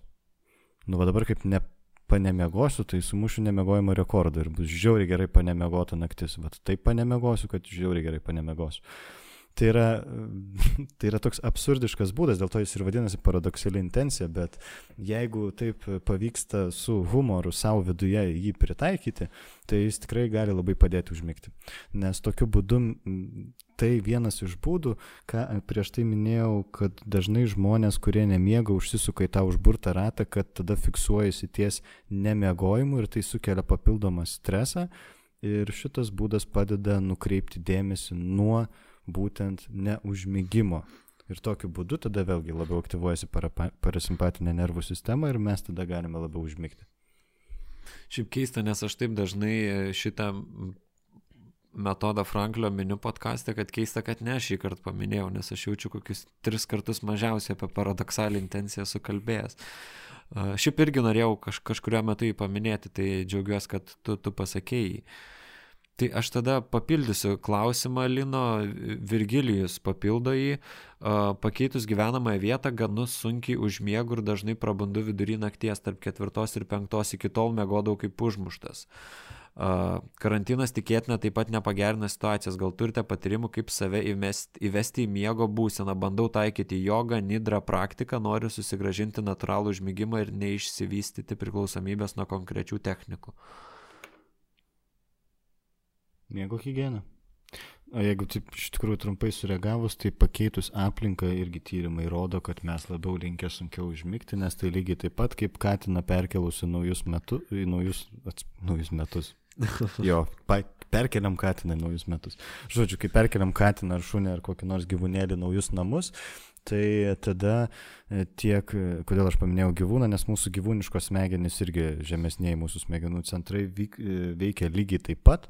Tai yra mes bandome susiorientuoti mūsų naujoje aplinkoje ir smegenys bando padaryti ją įprastą. Ta prasme, kiekvienoje naujoje aplinkoje mūsų hipokampas ir kiti ten tie centrai būna aktyvesni mums miegant ir miegas būna budresnis, nebūtinai trumpesnis, jis gali būti mažiau gilus, nes mūsų smegenys tiesiog evoliuciškai tai prisitaikė. Mes vietomoje vietoje, kai dar jinai mums netapus savo, e, moksliškais terminais kalbant, neįvyksta habituacija, tai yra mes nepripratom dar, kad tai yra įprasta mums pažįstama vieta, tol mūsų smegenys labiau priema išorės informaciją, net jeigu sąmoningai mes nekreipiam į, to, į tai dėmesį. Tai kokia, kokia išvada praktiškai iš to, kad labai natūralu, kad persikėlus į naują vietą, vietą mes prašiau miegame ir kartais tiesiog užtenka ilgiau pagyventi. Tarkim, naują būtą persikraustėm, galim pirmas porą savaičių sunkiau miegoti, trečią savaitę jau galim pradėti gerai miegoti.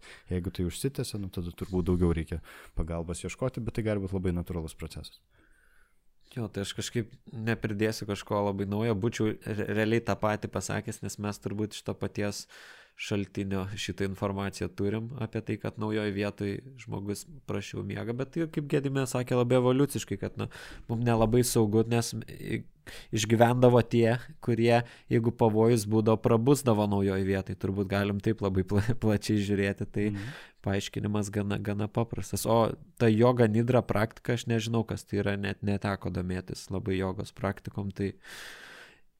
Aš irgi nesigilinau. If it helps, it helps. Tai Yeah. If it works, ain't stupid. Bet jo, jeigu taip numatai, kad mes apie miego higieną dar pakalbėsim, tai pakalbėsim, bet tai, žodžiu, yra vienas iš svarbių aspektų. Tai, važiuojam prie kito klausimo. Jo. Ok. Gabija klausia. Sveiki, mano keli tarpusavė susiję klausimai. Pokaičio miegas arba power nap. Visgi gerai ar blogai? Kokių pliusų ir minusų turi miegojimas dieną ir kiek laiko galima miegoti dieną, kad neatsikeltum be orientacijos ir suskaudančią galvą? Esu studentė didžiąją dieną didžiąją dienos dalį praleidžiu prie kompiuterio ekrano ir kartais labai norisi miego dieną, tačiau nesinoriu neužmigti naktį. Gal dar turite patarimų, kaip išblaškyti mieguistumą? O tai nuo mėgaistumo išblaškimo, tai kokainas pirmiausia. Kofeinas dar. Jakauja, aišku. A, tai, a, tai jo, kava, kofeinas tikrai padeda, šiaip fizinis aktyvumas pajudėti, nes, na, jeigu mes dabar ypač pandemijos metu labai daug sėdim ir uh, ir būnam vienoj vietoj, na, tai natūralu, kad sutinkstam. Dar, jeigu dar pavalgę būnam prigulam, tai iš viso, ką čia pamėg, pavalgius, pamėgoti, tai iš viso čia svajonė atrodo, ar ne? Tai tiesiog tokio didesnio judrumo reikia žmogui ir, ir, ir tas mėguistumas dinksta.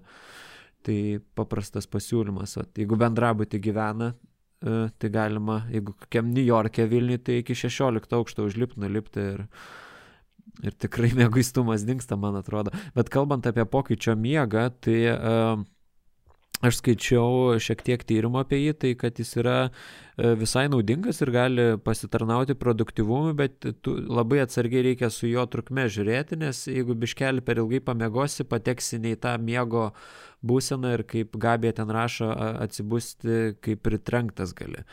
Tai geriausia yra miegoti apie 20 minučių Aš nežinau, aš neskaičiau begalę šaltinių, bet bent jau viename iš mokslinių tyrimų rašė tai, kad apie 20 minučių miegas yra optimalus, 5 minučių jis yra per trumpas, o nuo 30 iki valandos jau yra per ilgas.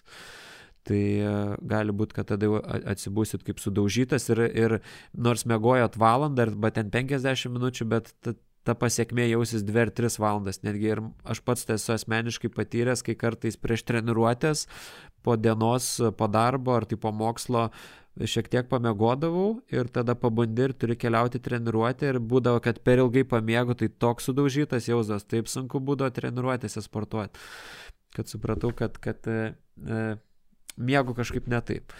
O dar kalbant apie pandemiją ir pogulio miegą, tai skaičiau vat, visai, visai šviežią tyrimą apie būtent koronavirusą, kuris e, patiriam, tai apie stresą, kuris patiriamas būtent dėl pandemijos, tai kad reguliaraus pogulio miego palaikymas gali padėti šiaip jau sureguliuoti miego ritmą, palengvinti patiriamą stresą psichologinį ir apsaugoti nuo psichikos sutrikimų.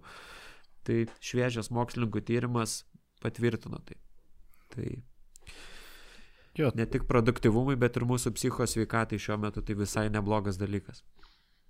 Jo, tai aš labai daug kažko ne, nepapildysiu, tai kaip studentai besimokančiai tai yra super geras dalykas dėl anksčiau jau minėtų visų informacijos konsolidavimo, mokymosi pagerinimo procesų ir emocinių reguliacijų procesų ir mėgaistumo dieną sumažėjimo, bet jo, taip tarp 10 ir 20 minučių aš irgi atradau tyrimuose, kad svarbu mažiau nėra labai gerai, daugiau pereinama į gilę fazę ir tada labai būna tas mėgaistumas ir čia jo, nieko naujo nepasakiau. Bet, yra vienas bet ne visi, power napai yra nuostabus dalykas, bet ne visiems. E, žmonėms, kurie turi problemų vakare užmiegant, power napai rekomenduojami vengti, ta prasme iš vis jų geriau nedaryti. Tie, kurie lengvai vakare užmiega, power napas yra super dalykas. Dienos metu 10-20 minučių numėgti, tai yra labai pagerina ir kognityvinės funkcijas, ir mokymas, ir panašiai. Bet tiem, kurie sunkiau užmiega, tai gali vesti prie labai nekokybiško nakties miego sunkumo užmig, užmingant ir panašiai. Ir jo, tas apsunkinantis efektas toks atsibūdus po per šiek tiek per ilgo pokaičio miego, to powernapo, tai yra vadinamas miego inercija, kai mūsų smegenys jau eina link giliojo miego ir mes nors ir pabunda, mūsų kūnai atsikėlė, protai atsikėlė, bet mūsų smegenų e, elektromagnetinis aktyvumas vis dar labiau yra apie giliojo miego fazę ir jinai tokia tampa inertiška ir apsunksta. Bet dar man norisi gal paminėti vienas iš dalykų, kas padeda išblaškyti mėguistumą, tai atsikėlus po powernapą visai padeda nusiprausti veidą vandeniu, geriausia šaltų, kad tai šiek tiek prabudintų. Ir padeda trumpas pajudėjimas ir geriausia būti ryškioje šviesoje.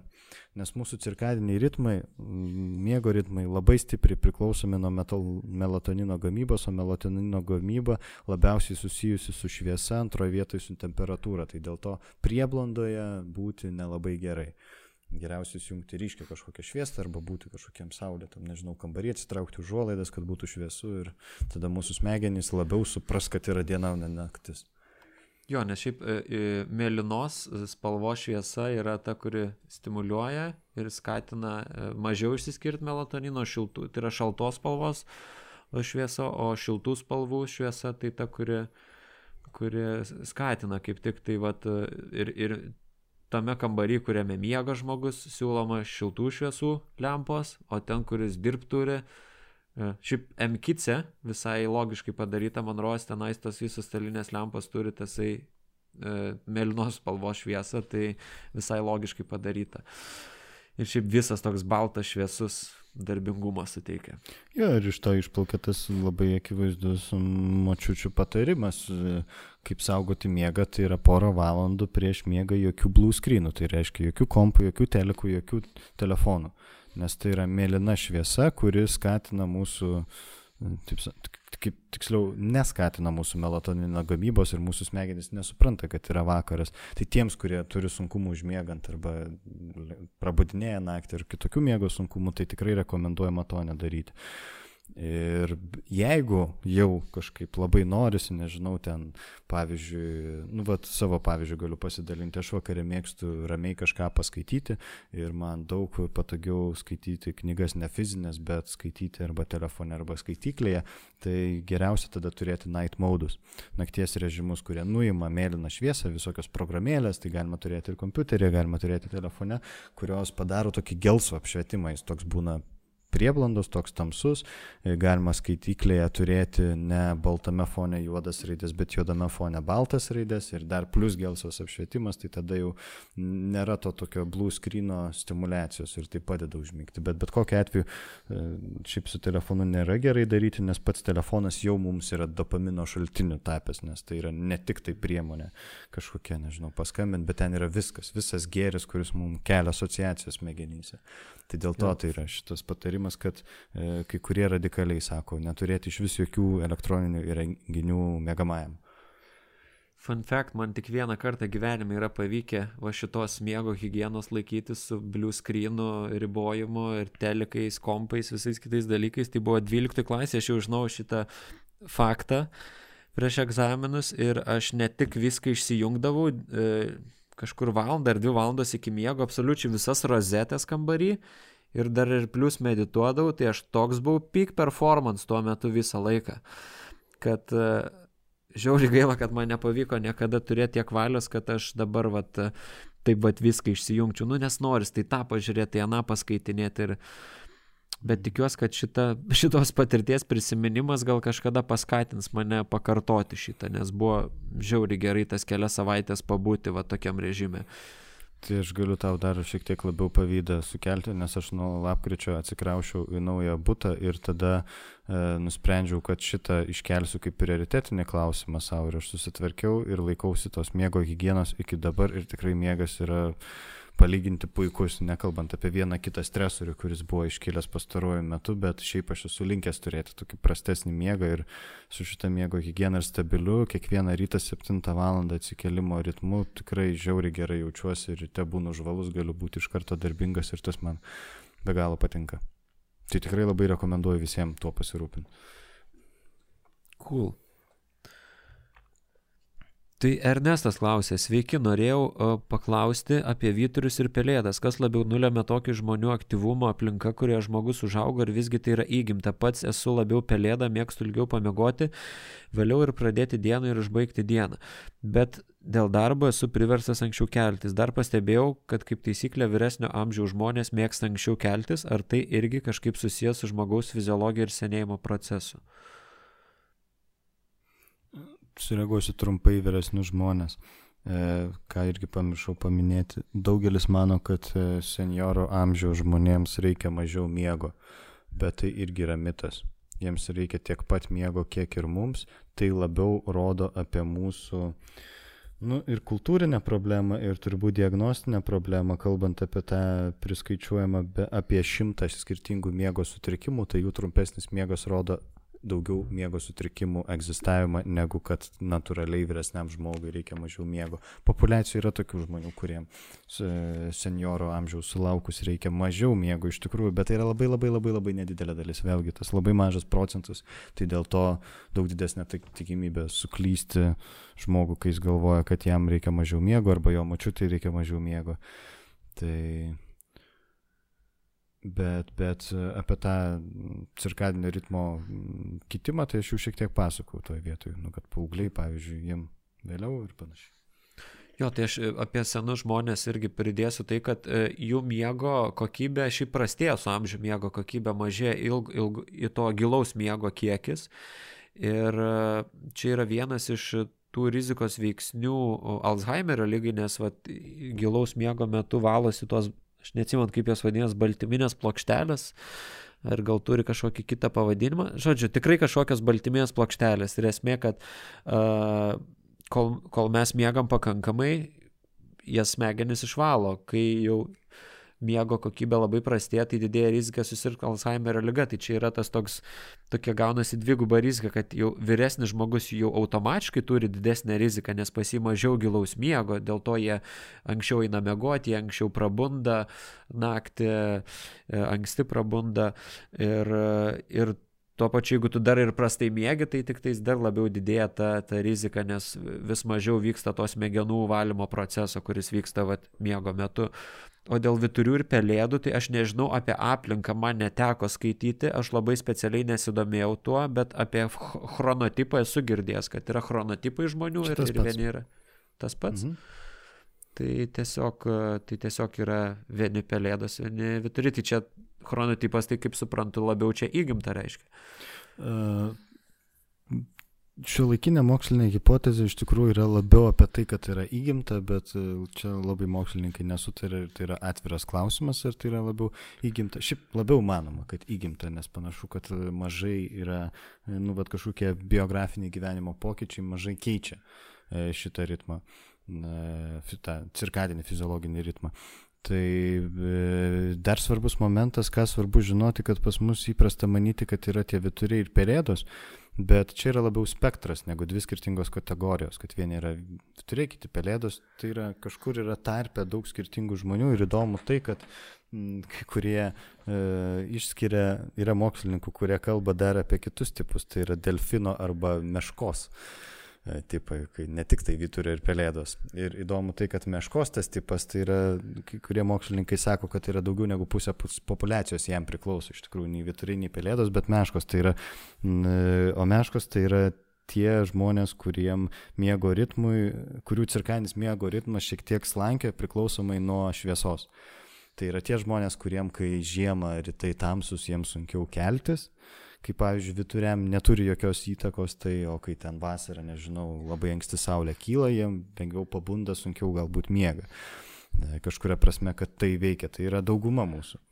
E, yra tokie. Tai čia viena šaka tokių tyriejų autorių, o dar yra tie delfinai vadinami, tai čia yra labai sunku atskirti, vėlgi čia tas momentas, kur yra labai labai mažas, maža dalis populacijos, kurių miegas yra ir trumpesnis, ir budresnis. Nes delfinai miega ten, nežinau, ar ten vienu pusrutuliu ar kaip, bet jų miegas yra super budrus. Jie praktiškai fiksuoja visą aplink esančią informaciją miegodami. Tai yra žmonių, kurie taip miega. Bet 99 e, atvejais iš šimto, galbūt net 999 atvejais iš tūkstančio tai rodo labiau miego sutrikimą ir kažką, kas yra netvarko, negu kad tai tas žmogus iš tikrųjų natūraliai va, turi tokią fiziologiją. Tai čia tas svarbu žinoti. Jo, nes šiaip jau žmonės neturi tokios savybės kaip delfinai, kad half brain uh, asleep, half jo. brain active. Jo, ir paukščiai turi, ir delfinai, bet, žmo, bet pa žmogui yra kitaip. Ten šiek tiek, uh, pavyzdžiui, tai žmonėm, kurie uh, lunatikuoja, pas juos kažkuri dalis smegenų vis tiek veikia kitokiu budrumo aktyvumu. Tai ne tas pats kaip pas delfiną ir paukštį, bet vis tiek gaunas, kad uh, taip, taip susijungia ten laidai tose smegenyse, kad e, kažkuri dalis tampa aktyvesnė ir už to atvyksta tas lunatikavimas. Hmm. Net yra žmonių, kurie, kurie pavyzdžiui, naktimis spardosi ir mušasi, va, toj knygai, kur skaičiau Nocturnal Brain, kalbam apie, apie vieną seniorų porą, kur jie buvo priversti mėgoti atskirai, nes tiesiog vyras per košmarus e, pradėjo daužyti, spardytis. Jo, bet tai yra miego sutrikimas. Dabar pamiršau, kokį jis pavadinimą turi.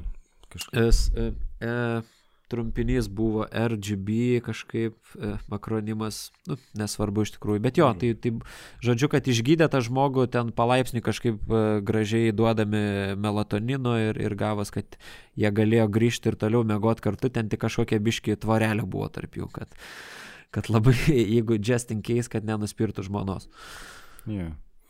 Tiesą sakant, nežinau, ar patiktų, bet žinau, kad mano e, tėvai neklauso šito podcast'o, bet mano tėčių prasidėjo tai ir aš jį užregistravau į Santariškių miego tyrimo centrą, kuris neužilgo nuvažiuos, tai labai man įdomu profesinė prasme sužinoti, kaip gydyti šitą sutrikimą. Tai jam prasidėjo tai, kad jis pradėjo daug kalbėti, judėti naktimis ir tai yra vienas iš miego sutrikimų. Tai va, ir dar, žinai, man norisi pasakyti, reaguojant į šitą klausimą apie tos vyturius ir, ir pelėdas, man atrodo svarbi informacija, kurią šiaip tokia emocinė prasme gal norisi paguosti visus vyt, ne vyturius, atsiprašau, visus, kurie yra pelėdos net mokslininkai turi tokį terminą, kur, kur, kur e, kalba apie šitą mūsų kultūros fenomeną, kad mes visi pradedam ten office hours start at 8 am, žinai, kad visų ofisų, visų darboviečių valandos prasideda 8 ryto. Ir jie kalba apie tokį fenomeną kaip socialinis jetlagas, social jetlag. Tai jetlagas neturi lietuviško žodžio atitikimo, bet tai yra tas fenomenas, kai nu, mūsų cirkadinis miego ritmas ne, nesutampa su laiko juosta, kaip, pavyzdžiui, mes ten, nežinau, iš, iš, iš, iš Londono nuskrendam į New York, ar ne, ir ten 7 valandų kokių skirtumas, nežinau tiksliai kiek, bet turbūt 7. Ir, ir, ir, ir tada mūsų miego ritmas negali prisitaikyti. Tai pelėdos yra nuolatiniam socialiniam jetlagė. Tai reiškia, kad jiem labai sunku ir 8 ryto būti produktyviems ir čia yra tas momentas, kurį kiekvienam žmogui svarbu apie save žinoti ir jeigu įmanoma ieškoti galimybių derinti darbo ritmą su tuo, koks yra miego ritmas, nes vėlgi tai, ką kalbėjau pradžioje, tie visi sveikatos benefitai arba tiksliau apsaugos nuo visokių žalingų poveikių neišsimiegojimo, jie yra tikrai reikšmingi. Okay.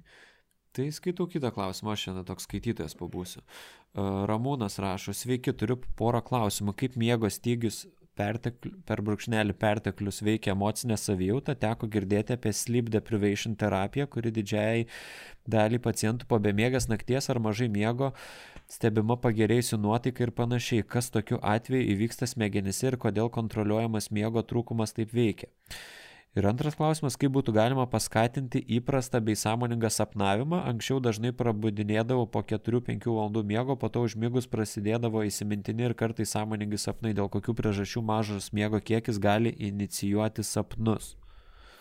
Tai sureaguosiu trumpai pirmą dalį, tai apie emocinę savijautą, tai jau šiek tiek minėjom, kad tai yra stresas, nerimas, dirglumas, nuotaikų sviravimai, šitie dalykai. Visiškai nieko negirdėjau apie šitokią sleep deprivation terapiją, bet tiesą sakant pasidomėjau ir paskaičiau mokslinių tyrimų ir atradau visai įdomių momentų. Mane visai nustebino, kad iš tikrųjų yra toks gydimo būdas, bet uh, Labai svarbu žinoti, tai tinka tik tai depresijos, sunkios depresijos arba bipolinio sutrikimo depresijos epizode atvejais. Tai reiškia, kad žmonėm, kurie turi stabilų miegą arba nėra psichiškai, neturi šito psichinio sutrikimo arba turi kitokius psichinius sutrikimus, para nemegojimai yra žalingas veiksnys. Bet tiems, kurie turi gilius depresijos epizodus, ar tai būtų depresijos ar bipolinio sutrikimo fone, ir kurie patiria taip pat chronišką neišsimegojimą, tiems yra pastebėta tyrimais, kad e, kas antrą naktį visai nemegoti, ta prasme, vieną naktį nemegoti, kitą naktį pilnai pamegoti, tai tą tęsiant vieną, dvi savaitės jau pastebi, pastebimi benefitai. Ir čia taip pat Ramūnas klausė, kas vyksta e, tuo metu smegenyse. Nu, tai viena iš depresijos hipotezių, yra daugybė hipotezių, mokslininkai ten pastoviai daužo galvas e, į, sienas ir į duris visokias, ieškodami, kas ten yra depresijos priežasčiai ir ten bijo psichosocialinį modelį. Bet žodžiu, viena iš hipotezių yra monomerginė depresijos hipotezė. Tai įprastas mūsų manimas. Tai kad depresija sukelia e, serotonino, norepinefrino ir dopamino stygius. Tai yra jų gamyba, iš esmės pagrindė serotonino. Tai įdomu tai, kad depresijos metu, vat, būtent su tai žmonėm, bet ne su sveikai žmonėm, e, ta prasme, ne, ne su tais, kurie neturi sutrikimų, e, nemiegant tą parą smegenyse pasispartina gamyba šitų neuromediatorių.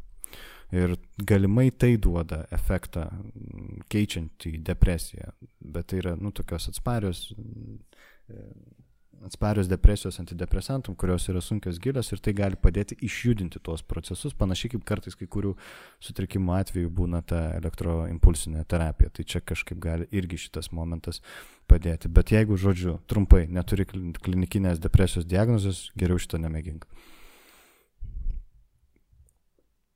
O kita dalis apie sąmoningą sapnavimą. Šiandien vieną aš kalbu, davai tu ką nors pasakyk. Jo, tai va aš dabar va klausiau šito tavo atsakymą ir suprantu, ką tu turėjai menį sakydamas, kad mes remiamės moksliniais faktais. Tai reiškia, kad aš praktiškai negaliu nuo savęs šitoje vietoje nieko atsakyti, nes tu beveik viską atsakė apie sleep deprivation terapiją. Ir aš, nu, jau nuomonės kaip ir negaliu pareikšti, nes tai yra ne nuomonė, o čia yra moksliniai faktai. Tai gal tik trumpa istorija, kad man teko gerokai anksčiau šitą uh, depresijos gydimo formą pasidomėti. Aš kažkada dar studijų metais uh, pats parašiau straipsnį apie tai savo tinklaraštyje ir aš e, ruoždamas, nu, ta prasme, pats tai ne pats e, ten atlikau tyrimus, bet tiesiog pasiskaitęs tyrimus aš aprašiau šitą depresijos gydimo būdą. Ir jo, jis, jisai yra veiksmingas, va, sunkiais depresijos atvejais, bet kas dar yra kitas dalykas, kad uh, kad šiaip jis yra trumpalaikis, kad efektas ne, neužsilaiko ilgai va, tokio gydimo būdo, tas irgi yra svarbu žinot, kad tai nėra panacėja, kad taip jis yra veiksmingas, bet jisai e, ne, ne, nėra ilgalaikis. Gal antras dalykas istorinis, kad šiaip jau jį e, 1818 metais toksai Augustas Heinrotas atrado. tai šiaip jau seniai žinomas gydimo būdas. Čia jeigu kas protmušė gaus tokį klausimą, jo, jo. tai žinosit. Jo, aš kadangi mėgstu, kaip Geda sako, fakto krapštystė, tai aš savo straipsnį ir šitą dalyką paminėjau. E, statistika ten buvo, kad maždaug apie 80 procentų tyriamųjų, tai maždaug 4 iš 5 žmonės su, su, su nuotaikos sutrikimais buvo veiksminga tokia gydimo, e, tipo, tokia gydimo forma ir Gedas vad paaiškino, kad e, taip per serotonino apykaitą veikia.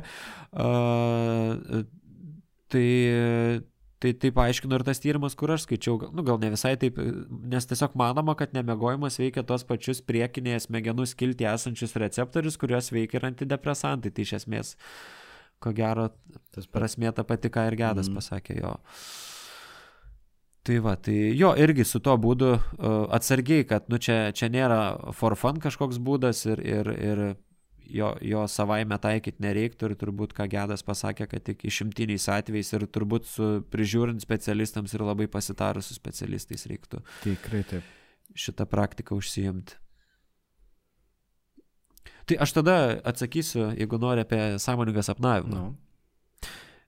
Nieko nežinau apie jį, Bet yra toksai mokslininkas lietuvių, Tadas Stumbrys iš Vilniaus universiteto, Monros Tadas vardas, pavardė tai tikrai Stumbrys, ir jisai uh, labai tyrinėja šitą sritį ir aš mačiau internete, kad jis yra ir uh, workshopus veda, uh, tokias praktinės užsiemimų grupės, kuris moko žmonės sąmoningai sapnuoti. Tai jeigu kažkas tikrai nori pasidomėti labiau to sąmoningų sapnavimu, tai man atrodo, kad Tadas Stumbrys yra tinkamas žmogus, kuris uh, kuris e, yra mokslininkas ir jis tyrinėja šitos dalykus, e, tai ne šarlatanas, tai tikrai tikrą informaciją skleidžia ir, ir verta pasitikėti.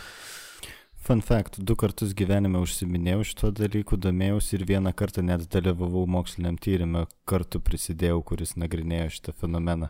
Kokybinis tyrimas buvo.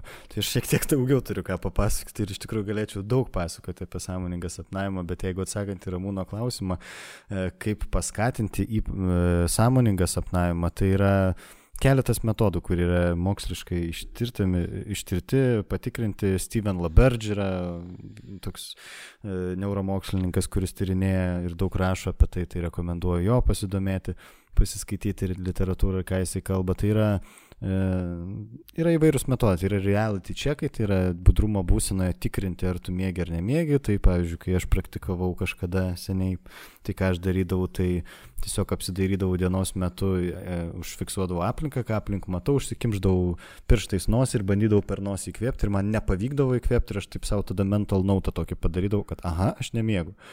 Ir įdomu tai, kad man tai veikdavo šitas metodas, kai aš jį praktikuodavau, tada sapnuose man pavykdavo tą patį padaryti, užspausti nosį ir įkvėpdavau aš sapne ir tada suprasdavau, kad aš sapnuoju. Ir tada atsirasdavo samoningumas, galėdavau ten daryti, ką noriu tuose sapnuose. Bet e, tai, ką kalba Ramūnas apie šitą, kad po 4-5 valandų miego labiau įsimintinesni sapnai ir kartais sąmoningi būdavo, tai irgi vienas iš metodų. Vadinasi Wake to Bed. Tai yra reko, tiems, kurie nori praktikuoti sąmoningą sapnavimą, vienas iš metodų rekomenduoja po 5 valandų maždaug miego atsikelti, 30 minučių kažką paveikti ir eiti miegoti. Ir tai, tai padeda įeiti į sąmoningą sapną, jeigu praktikuojamos ir kitos metodikos, bet žinoma, kad tai kenkia miego kokybė ir geriau to nepraktikuoti. Iš tikrųjų, ir šiaip tas mokslinis tyrimas, prie kurio buvau prisijungęs, parodė, kad sąmoningas sapnavimas, nes e, buvo keliama hipotezė, kad galimai tai skatina žmonių kūrybiškumą, kad dar labiau informacija konsoliduojasi, bet iš tikrųjų labai skirtingi efektai ir nemažai dalis žmonių jaučiasi daug labiau pavargę, kurie intensyviai sąmoningai sapnuoja, net kai kurie tyrimieji sakė apie tai, kad nebegaliu pailsėti, nes tiesiog aš nebepraktikuoju tų metodikų, bet sapnai beveik visi sąmoningi. Sapnuoju ir suprantu, kad sapnuoju ir taip smegenys dirba.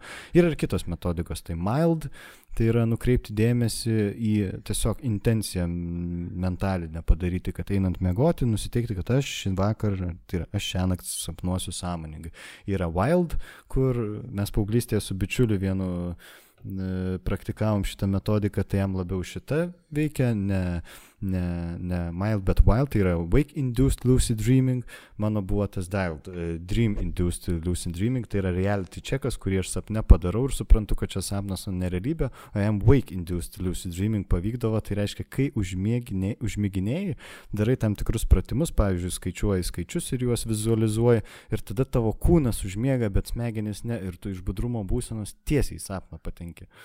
Dar kitas momentas - sapnų žurnalas ir dar vienas dalykas, apie kurį niekas nerašo, bet čia irgi iš vieno mano gyvenimo etapo, jeigu kam nors įdomu, kas praktikuotų lucid dreaming ar norėtų labiau e, užaštrinti sapnus, tai padeda dienos peržvalgos meditacija. Buvo laikotarpis, kad aš gal pusantro mėnesio tą praktikavau, tai yra vakare kokią valandą prieš miegą atsisėdu tiesiog į meditacinę pozą ir peržvelgiu dieną nuo to momento chronologiškai atgal, tarsi rewindą, tokį backwards ir stengiuosi viską prisiminti kuo detaliau. Kvapus, vaizdus, veidų žmonių, kur aš gatvėje mačiau, aprangas, viską kuo detaliau, ką veikiau, ką kalbėjau, ką girdėjau ir panašiai. Ir tą praktikuojant man tikrai buvo daug ryškesni sapnai. Tai aš ir taip daug pasakiau, galėčiau tikrai išsiplėsti dar labiau, bet tai yra tai, kas padeda, bet uh, Šitam epizode man norėtųsi labiau rekomenduoti žmonėms rinktis kokybišką atstatantį miegą, negu žaisti su sąmoningu sapnavimu. Pabandyti, patirti tą fenomeną, nieko blogo, bet per giliai nueiti irgi gali būti žalinga. Ok, tai paskutinis komentaruose klausimas. Laura klausė, uh, Aš esu iš tų žmonių, kurie pernelyg daug ir intensyviai sapnuoja, bei gana gerai tuos sapnus atgamina nuolatos, nepriklausomai nuo gyvenimo aplinkybių ar emocinės būsenos. Nepamenu tokio ryto, kad atsikelčiau tuščia galva po besapnės nakties. Jaunystėje tai labai vargino, nes pabusdavau nepailsėjusi, o atvirkščiai, lik daug visko nuveikus. Kažkada net esu parašius, prašysiu tėvų vesti pas specialistus, nenuvedė. Ilgainiui išmokau su tuo susigyventi, dabar man 35 ir gyvenimo kokybei tai didelės įtakos nebeturi tačiau visat buvo įdomu, nuo ko priklauso sapnavimo intensyvumas, ar kaip gerai blogai sapnus prisimeni, ar įmanoma sapnavimą prislopinti. Taip, tikrai įmanoma. Įkalkant depresantų gerai ir nebesapnuosi. Toks mano patarimas. Tikiuosi niekas iš konteksto neiškirps šito, nes iš tikrųjų čia yra bairis. Nu, tai aš vėl atstovausiu tą pusę faktai, o ne nuomonės, nes aš pasidomėjau ir šituo tyrimais. Tai iš tikrųjų yra tyrimai kalba apie tai, kad ne sapnai trukdo, nes sapnai yra gerai, jie padeda konsoliduoti informaciją, bet iš tikrųjų tai, kas vadinama košmarais, tai yra intensyvūs. Nebūtinai košmaras yra siaubingas sapnas. Košmaras yra toks sapnas, kuris meta iš miego lauk. Ir nebūtinai visada mes pabūnam, bet jie būna labai tokie intensyvūs. Tai e, tyrimų kalba tai yra kalbama apie vivid, dreams prevention, tai iš esmės tai, kas labiausiai padeda, tai miego higiena ir tai, ką galvoje prieš einant miegoti, tai dzin budizmas. Tai, ką prieš tai paminėjau, tai čia žmogui, kuris klausė, tai yra Laurai, rekomenduočiau šitoje vietoje dienos metu galbūt dažnesnį ir atidesnį tokį laiko skirimą savo. Tai reiškia, kad kai mes du skiriam savo laiko tokio pabūti tiesiog su savim, su savo mintim, galbūt dienoraštį parašyti, tas padėtų budrumo metu virškinti ir konsoliduoti informaciją, kas miego metu galimai vyksta labai labai intensyviai. Tai tai gali tikrai padėti, ta prasme, bet jeigu nepadėtų ir jeigu tai yra iš tikrųjų labai kankinantis dalykas, tai tada tiesiog rekomenduoju kreiptis vieną ar kitą miego sutrikimų gydymo centrą ir jeigu ten nepadėtų, galbūt į psichoterapiją kreiptis, bet šiaip iš esmės tyrimais patvirtintos metodikos yra tokios. Jo, mano būtų irgi buvęs patarimas, jeigu, jeigu tai kažkaip vargina, kad kreiptis į specialistus, kurie įvertintų ir, ir galbūt net pamatuotų tas miego fazes prijungus miego gydymo centre ir pažiūrėtų, kas ten vyksta. Tai važiuojam toliau. Žinutėje dar turim porą klausimų. Tai e, vienas. E, apskritai turint, e, turinti, čia apie save rašo klausytojai, apskritai turinti problemą su miegu supratau palikusi tėvų namus ir išėjus iš savo prisijaukintos komforto zonos. Viena mėgoti negaliu, kausto tamsos, krepždėsių garsai, bent kažką minimalaus išgirtus, sukyla adrenalinas ir jaučiuosi kaip po kelių espreso šotų ir apie miegą galiu pamiršti. Pasitaiko ir breakdown, kai negalėjimas užmigti damuša iki ašarų ir kančios. Kančios prideda, kančios prideda ir priklausomybė nuo kito žmogaus miego režimo, nes kol draugas kartu neina mėgoti, užmygimas tai lik Nobelio vertės misija. Respektas už bairį. Jei ir pavyksta prisnūsti, tai po kurio laiko staigiai pašoku pasitikrinti, ar aš vis dar viena miegant kartu kitos problemos. Jautrumas yra tokio stiprumo, kad sunku miegoti be ausų kamštukų, kadangi lygiai tokį patį adrenaliną, kaip minėtas minimalus kripždėsys, gali sukelti ir kito žmogaus kvepavimas, jau nekalbant apie knarktelėjimą. Bandau ieškoti būdų, kaip vakarinis pasivaikščiojimas, bent 15 minučių kasdienė meditacija, ne, meditacija, teatriniai aliejai, gal tarp dienos ritualų praleidžiu kažką esminio, kas padėtų nes po kol kas ši opi problema nenori traukiasi iš mano kasdienybės. Jo, tai skamba iš tikrųjų ne, kaip labai nefaina problema, nes tikrai žmogus jautriai jautri patiria tą visą miego, miego procesą ir pirmas dalykas, kuris man ateina į galvą, tai kad e, kažkaip, kažkaip labai aktyvi nervų sistema ir, ir ypač simpatinė nervų sistema ir daug tokio nesaugumo vidinio, tai man tada tik labiau kyla klausimas, kiek tai yra psichologinės kilmės, o kiek nu tiesiog dirgli nervų sistema, kad labai reaguoja į tuos garsus. Nes tikrai e, visai geri sprendimo būdai, ką klausytoja parašė, e, tai ausų kamštukui, tai gali būti ir ant akių užsidėti tą raištį, kad kuo mažiau šviesos pakliūtų, bet labai girdis ir tokio nesaugumo, visi krepždėsiai, dar kažkas tai taip prašosi patirinėjamas šita problema, tie, tie galbūt e, su, su gydytoju, kuris į miegą specializuojas, tie galbūt su psichologu ir, ir pažiūrėti, ką, čia galim padaryti, nes tikrai labai sunku sakyti, vat, kokį vat, praleidžia ritualą dienos, nes man atrodo, kad čia tų ritualų jau visai neblogai yra ir įgyvendinama, bet vis tiek ta miego kokybė netenkina. Jo, tai aš irgi labai trumpai sureaguosiu. Paprasta schema. Pirma, miego hygiena.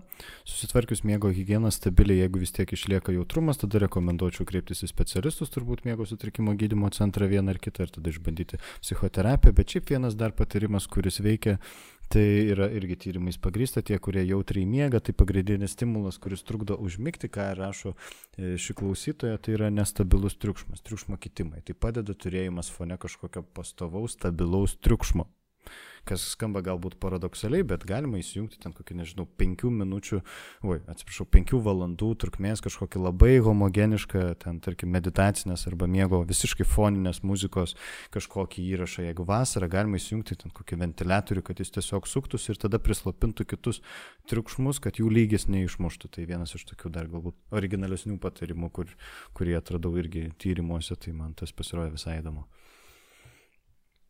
Cool. Skamba įdomiai. Tai turim ir dar vieną klausimą.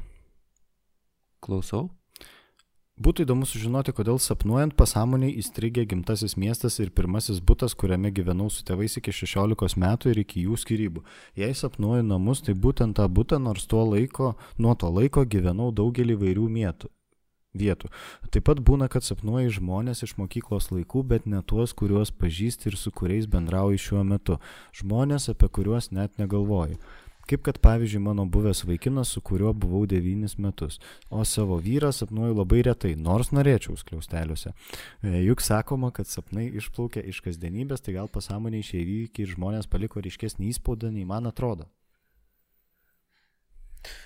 Gal paliko, gal nepaliko, šiaip čia sunku pasakyti, su tais sapnais kaip yra, bet ką mes mokėmės iš psichoterapijos, kad jeigu yra kažkokie sapnai, kurie E, ne tik kartojasi, bet ir žmogus nuolat apie juos galvoja, tai matyt kažkas svarbaus yra tame turinyje sapnų. Ir kad tą turinį e, verta patirinėti. E, Deja, mes negalim turbūt atsakyti, ką reiškia šitie sapnai, nes ne, neužtenka vat, tokios, vat, tokio trumpo nupasakojimo, kad galima būtų atsakyti. O ir šiaip psichoterapijos tikslas kaip ir nėra E, kaip šamanams išaiškinti tuos sapnus, ten labai daug e, sapnų analizėje vyksta ir paties kliento darbo, ką, ką jam tas sapnas reiškia, kokios jam asociacijos kyla ir panašiai. Tai jeigu yra kažkokie sapnai, kurie nuolat kartojasi ir nepalieka ramybei, tai vienintelė išeitis atrodo psichoterapija yra patyrinėti tos sapnus, nes sapnininkė visada vien, vienareikšmė, vien, vienareikšmės tos prasmės, o sapnai yra tikrai labai individualus dalykas. Tai turbūt šitą pasakyčiau. Šiaip jeigu įdomu apie sapnų analizę, tai e, Gedimino turbūt minėtas kažkada podcastas This Jungian Life, ten apie Jungo e, krypties psichoterapiją kalbama, bet taip pat ir kiekvienam beveik epizode, o gal net ir kiekvienam e, pristatomas sapnas žmogaus ir jisai analizuojamas. Tai vad galima pažiūrėti, kaip atrodo ta sapno analizė ir, ir ką ten galima tose sapnuose pamatyti. Jo, tai daug nepridėsiu, tikrai mokslas nežino, kodėl mes sapnuojame vienus ir kitus dalykus, negali paaiškinti ir sapnininkai tikrai nėra moksliškai pagristas dalykas, bet man patinka Jungo frazė to paties paminėto, ką tu paminėjai, kad sapnas yra kaip net plėštas laiškas. Ir m, mm, tai čia prasme, jeigu mes jo net darome, neperskaitome jo žinutės ir tada interesantas mums toliau ir siūs, ir siūs, ir tu siūs tos laiškus, kol mes e, kažkaip jam neatrašysim, neperskaitysim, neįsisamoninsim, nesuprasim jo žinutės. Tai pasikartojančius sapnus iš tiesų galima taip sumažinti arba gal net panaikinti patirinėjus jų prasme ir įvykus kažkokiam vidiniam pokyčiui. Ir tam iš tikrųjų pačiam nedažnai yra paprasta, tai ir tikrai psichoterapija yra gera vieta tą padaryti. Ir šitoje vietoje galbūt net labiau rekomenduočiau analitinės, tai yra jungiškosios krypties terapeutus, kurie daugiau laiko mokosi sapnų analizės, bet iš esmės ir kitos mokyklos to mokosi. Tai visiškai nebūtinai, tiesiog galbūt svarbu atrasti žmogų, kuris tinka. Tai turbūt tiek, ar ne, dabar apie tą miego higieną. Jo, tai apie miego higieną, žinai, man norėtųsi kažkaip taip dviem dalykais išskirti. Tai yra dalykai, kurių reikėtų nedaryti ir dalykai, kuriuos reikėtų daryti, norint susitvarkyti savo miego higieną. Ir tai yra tikrai moksliškai paglisti dalykai, tai nėra kažkokie iš piršto laužti patarimai, tai yra tikrai rimti dalykai, kurie veikia. Ir aš pats praktikoje išbandžiau ir klientai dalinasi, kad išbandė tuos dalykus ir tai tikrai veikia. Tai gal tu norėtum pradėti? Tai gal tu pradėk, tu taip, taip prisiskaitęs tų, tų praktikų, aš tada prisidėsiu prie tavęs, vad kai aš išgirsiu, ką tu pasakysi, kas, ko trūksta, aš pridėsiu galbūt nuo savęs, ką žinau. Ok, tai trumpai labai tiesiog norisi pakartoti, nes šita dalis, man atrodo, itin svarbi tokia ir labai praktinė. Tai pirmas dalykas tai ekranai elektrinė šviesa blue lightai. Jų vengti bent dvi valandas prieš miegą, nes melatonino ritmas, cirkadiniai ritmai juos išdaužia, dėl to svarbu to nedaryti, arba night numaudai. O tai kaip Netflix and chill daryti tada? E, tada daryti su night mode. Arba Aš. geriausia to nedaryti bent valandą prieš miegą, nes turbūt Netflixas dažniau, nu, jis pagrystas tokiu visai įspūdžių kūrimu, ten toks geras dopamino bagažas, kuris užstimuliuoja ir kenkia miego. Supratau. Aišku, aišku, jeigu svarbiau trumpiau gyventi ir galimai sergant įvairiomis lygomis, bet pažiūrėti kažkokio linksmo turinio, tai gal Netflixas nėra blogai. Vis tiek visi mirsim, koks skirtumas. Teisingai. Gerai, antras dalykas - kofeinas. E, tai kofeinas, bent jau, e, ta prasme, geriausia jo visai vengti, bet e, tyrėjai kalba apie tai, kad ryte, kad podelis kavos nėra jau toks labai kenkintis dalykas, jau pietų metu jau yra negerai. Tas yra mitas, kad po šešių vakaro E, nebegalima gerti kavos, o per pietus po pietų galima. Iš tikrųjų ne, iš tikrųjų tik ryte. Tai yra mažiausiai tada miego sutrikdymas įvyksta, bet geriausia iš vis veikti. Jo, kalbant apie maisto tos produktus, tai apskritai sunkiai privalgyti prieš miegą negerai ir, ir cukraus prieš miegą saldžiai privalgyti irgi yra negerai, skaičiau tyrimuose. Jo, intensyvus gliukozės prasme ir, ir sunkus riebalingi maistai yra tai, kas negerai. O kalbant apie budrumą ir kofeiną, jeigu vakare kažkaip norisi, aš neseniai atradau tokį įdomų produktą keulpenių šaknų kavą, e, pats vartoju, ten nėra kofeino, bet jinai visai, visai įdomiai veikia. Hmm. Tai nežinau, kiek jin susijusi su miegu, nemiegu, bet galbūt jeigu nėra kofeino, tai gal netaip ir kenkia. Hmm. Aš mėgstu pasišildyti podelį pieno be laktozės vakare. Kaip Flandersas dar sausainio nebetrūksta. jo, kartais suvalgau sausainį. Iš tikrųjų, čia kai pradėjau miego higieną tvarkytis, pradėjau šitą taikyti ir tikrai man patinka, veikia. Tai va, kitas momentas irgi things not to do, skambės gal labai puritoniškai, bet iš tikrųjų, nu, jeigu kreipiant dėmesį mokslinius tyrimus ir jeigu kažkas turi miego sunkumų, tai tikrai reikėtų vengti alkoholio. Nes vėlgi tai jau kalbėjom apie tai, apie tos, nors tarsi jis turi tokį sedacinį, tai yra mėgdantį poveikį, bet miegas tampa toks fragmentuotas, neproduktyvus ir sutrikdo REM fazę, gilio miego fazę ir, ir, ir tas užknisantis abstinencijos patarimas čia yra geriausias, jeigu turi miegos, pro, nie, miego problemos. Ir kodėl yra tai? Nes tyrimais yra parodyta, kad net pusė taurės vyno prie pietų stalo jau yra susijęs su miego prastumu. Ta prasme, uh. toks nedidelis kiekis. Jep, čia yra tokia, nežinau, hard evidence. Mūsų podcast'ų tikrai niekada nealkoholinis vynas nerems jau po šito epizodo. Na, nealkoholinis. Nes alkoholinis negali, žinai, remti. Na, ja. Bet nealkoholinis turbūt galima išgerti, tik ne vakarinės, daug gliukozės ten. Ok, toliau.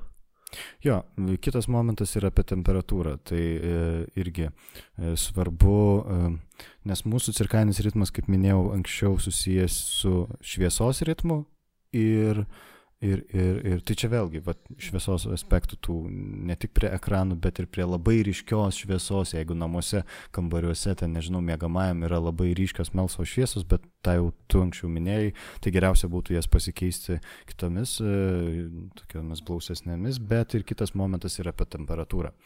Geriausia vakare labiau vedinti kambarį ir apskritai eiti mėgoti į labai išvedintą kambarį, e, optimaliai tyrimais e, kalbama, kad 18 laipsnių šilumos yra optimaliausia temperatūra.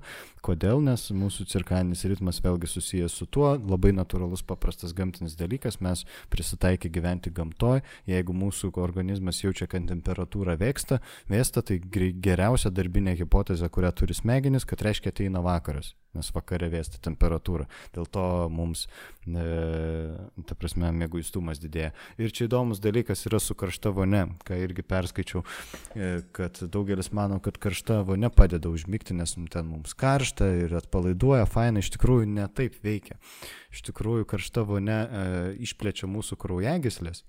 Ir tada, kai mes išlipam iš vonios, tada labai greitai garinama kūno temperatūra ir krinta kūno e, garinama šiluma ir krinta kūno temperatūra iš esmės ir tai daro mūsų mėguistais. Tai tas yra visai gerai ir kas veikia, kas atrodo paradoksaliai, kad visai yra gerai prieš einant miegoti šaltų vandeniu veidą nusiprausti. Kas atrodo šiaip pražvalinantis dalykas, bet aš šitą irgi išbandžiau, tai iš tikrųjų veikia. Ta prasme, kad tai e, atvesina ir tada toks mėguistumas apima. Aišku, jeigu tą nedaryti tam super aktyviai, tai vėlgi vienas iš dalykų things not to do, tai yra aktyviai okay, sportuoti prieš pat miegą.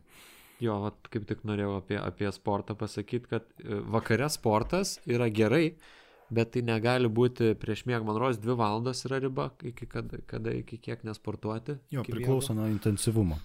Jo. Ir čia irgi beje. Fiz, fiz, mhm. jo, Tiesiog norėjau. Fizinis aktyvumas yra gerai prieš miegą, e, nes žmogus pavarksta, jeigu neišnaudojas daug energijos ir šiaip.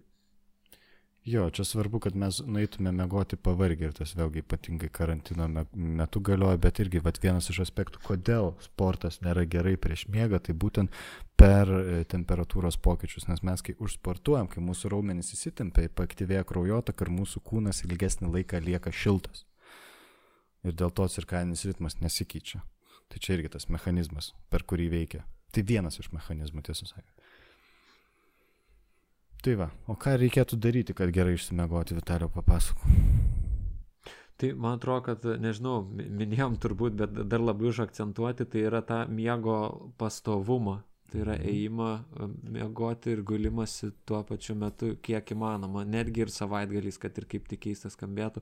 Aš kai su draugais pabendrauju, visi sako, koks tu koks tu crazy, ką, kodėl tu savaitgalį keliesi ten tipo tokiu pat laiku į darbą. Man ne visada pavyksta tą padaryti, bet mano žanduos vis tiek skamba ir savaitgaliais tokiu pat metu, kaip aš kelčiausi į darbą, tai nes tiesiog bandau taikyti tą principą.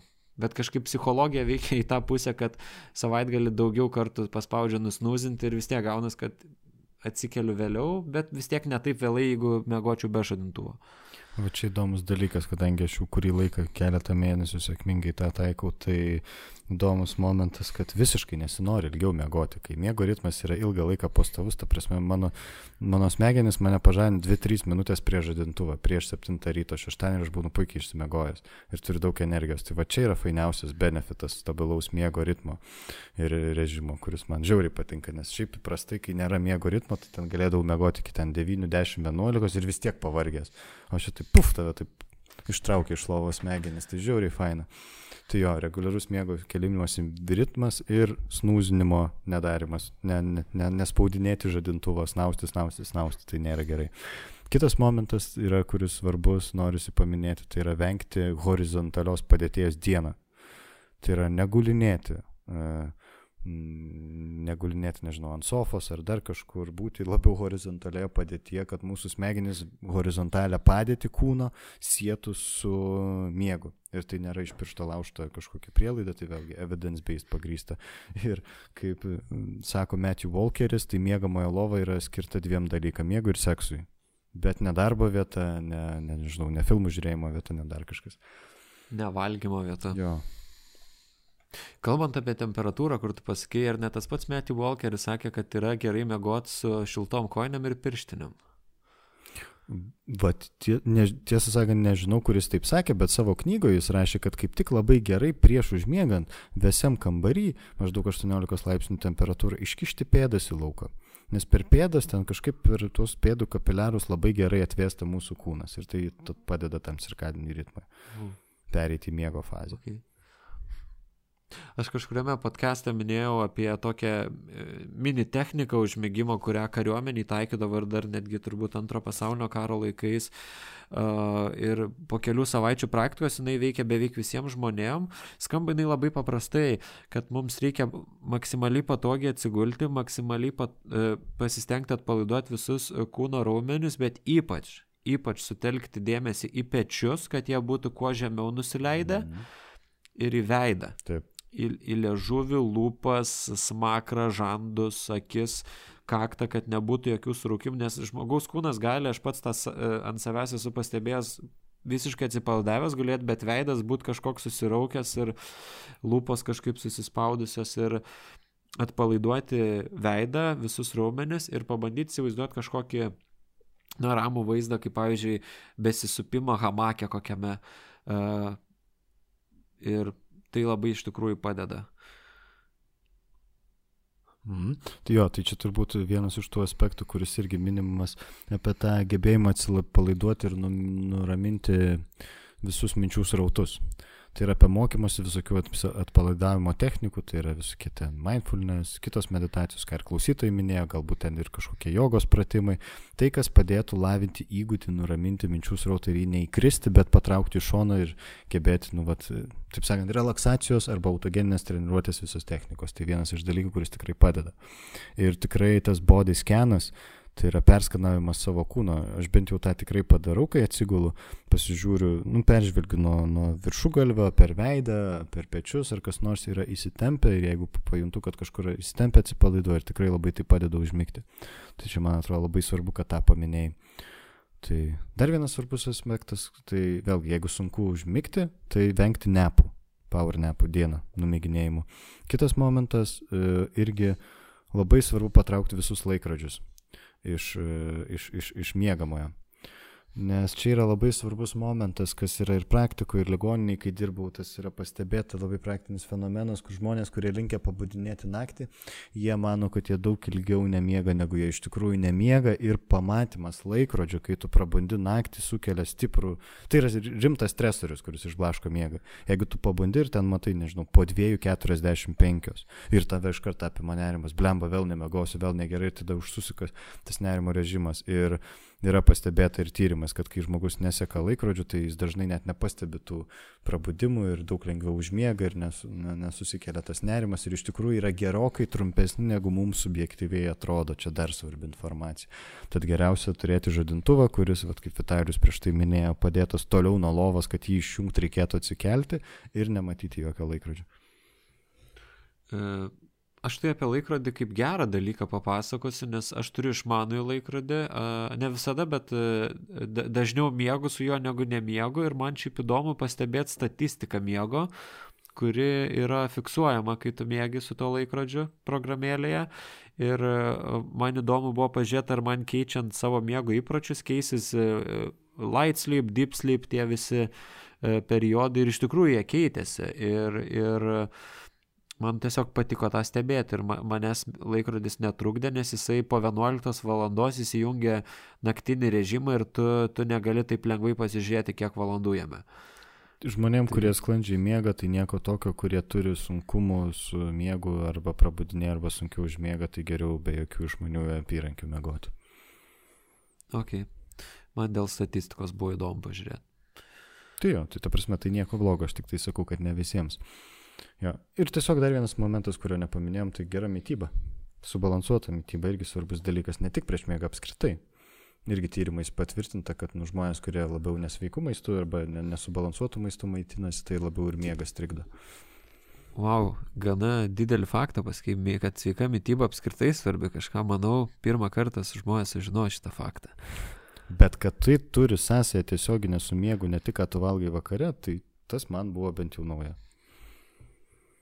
Okay, bet galima toks buvo, kaip anecdotal uh, evidence, žinai, kur galėjai numanyti, bet va dar pasitikrinai su, su moksliniais tyrimais ir dabar jau tikrai uh, tikrai faktas. Jo, bet kokia atveju, žinai, norisi parekomenduoti e, www.sleepfoundation.org tinklapį, kur galima rasti tikrai daug naudingos informacijos apie miegą ir tikrai čia nėra visa, ką mes šiandien papasakom, bet bent jau man tikrai norėjęs daug ką pristatyti ir šiaip šitą temą mėgstu, esu pasigilinęs ir norisi ir toliau pasigilinti. Atrodo, kad be galo svarbi ir kažkaip norisi, kad žmonės apie tai žinotų, kiek tai yra svarbu ir kad, nu, prisidėtų prie to gerovės. Jo. Aš nežinau, ar mes minėjom, kad imuniniai sistemai labai svarbu miegas. Taip tiesiogiai ne. Tai vad žiauriai svarbu ir, ir šitam pandemijos kontekste, ir, ir sergant, ir sveikam, tai labai svarbu yra pamiegoti tinkamai. Jo. Tai... Ten buvo momentas, kai aš minėjau apie tai, kad su virusais geriau tvarkosi ir antikūnis gamina, bet čia taip dar plačiau apie imuninę sistemą. Tai ką, ar nori ką nors dar pridurti? Nežinau, gal tiesiog pastebėjau, kad čia yra ilgiausias mūsų podcastas ever. Aha. Pirmą kartą virš dviejų valandų, tai kas išklausė iki tiek e, plojimai jums, bet jeigu išklausėt, matyti buvo įdomu, jeigu klausėt. Jo. ir tikrai plojimai eina visam gausiam būriui žmonių, kurie prisijungia prie mūsų Patreonų. Tai tikrai mes esam dėkingi už jūsų paramą, jinai mums labai svarbi ir labai motivuoja tęsti tai, ką darom. Bandėme surasti finansavimą, mums nepavyko, tai buvo ta liūdna žinia, bet apsidžiaugiam matydami mūsų didėjančią patronų bendruomenę, kurie užduoda ir tikrai labai protingus ir įdomus klausimus ir buvo įdomu pačiam pariserčinti, ieškoti tyrimų, mėginant ieškoti atsakymų. Tai žodžiu, kam keliauja padėkos šitame epizode. Tai Vaiva Kaktaitė mus paremė, Ernestas Servetka, Eglė Čiurlytė, Gabija Kaminskaitė, Matas Petrokaitis, Justina Čerkutė, Greta Steponaitytė, Renatas Rimkus, Viktorija Sankutė, Tautvidas Travinskas, Edvilė, Rokas Andrulo, Andrulionis, atsiprašau, Gintarė Žilaitytė, Jeva Kirilauskaitė, Arminas Bek, Violeta Rajatskaitė, Laura Matačiūtė, Erika Šeputytė, Austė Mikėnaitė, Indra, Julius Ambrasas, Jeva Pratašiūtė, Marija, Dovilė Sabalnikė, Sonata Grakauskaitė, Kestas ir Milda Grabauskaitė. Tai ačiū Jums labai už Jūsų paramą. Ačiū Jums. Tai ką, iki kitų susitikimų. Čia buvo podkastas Dialogas. Labos nakties visiems Jums.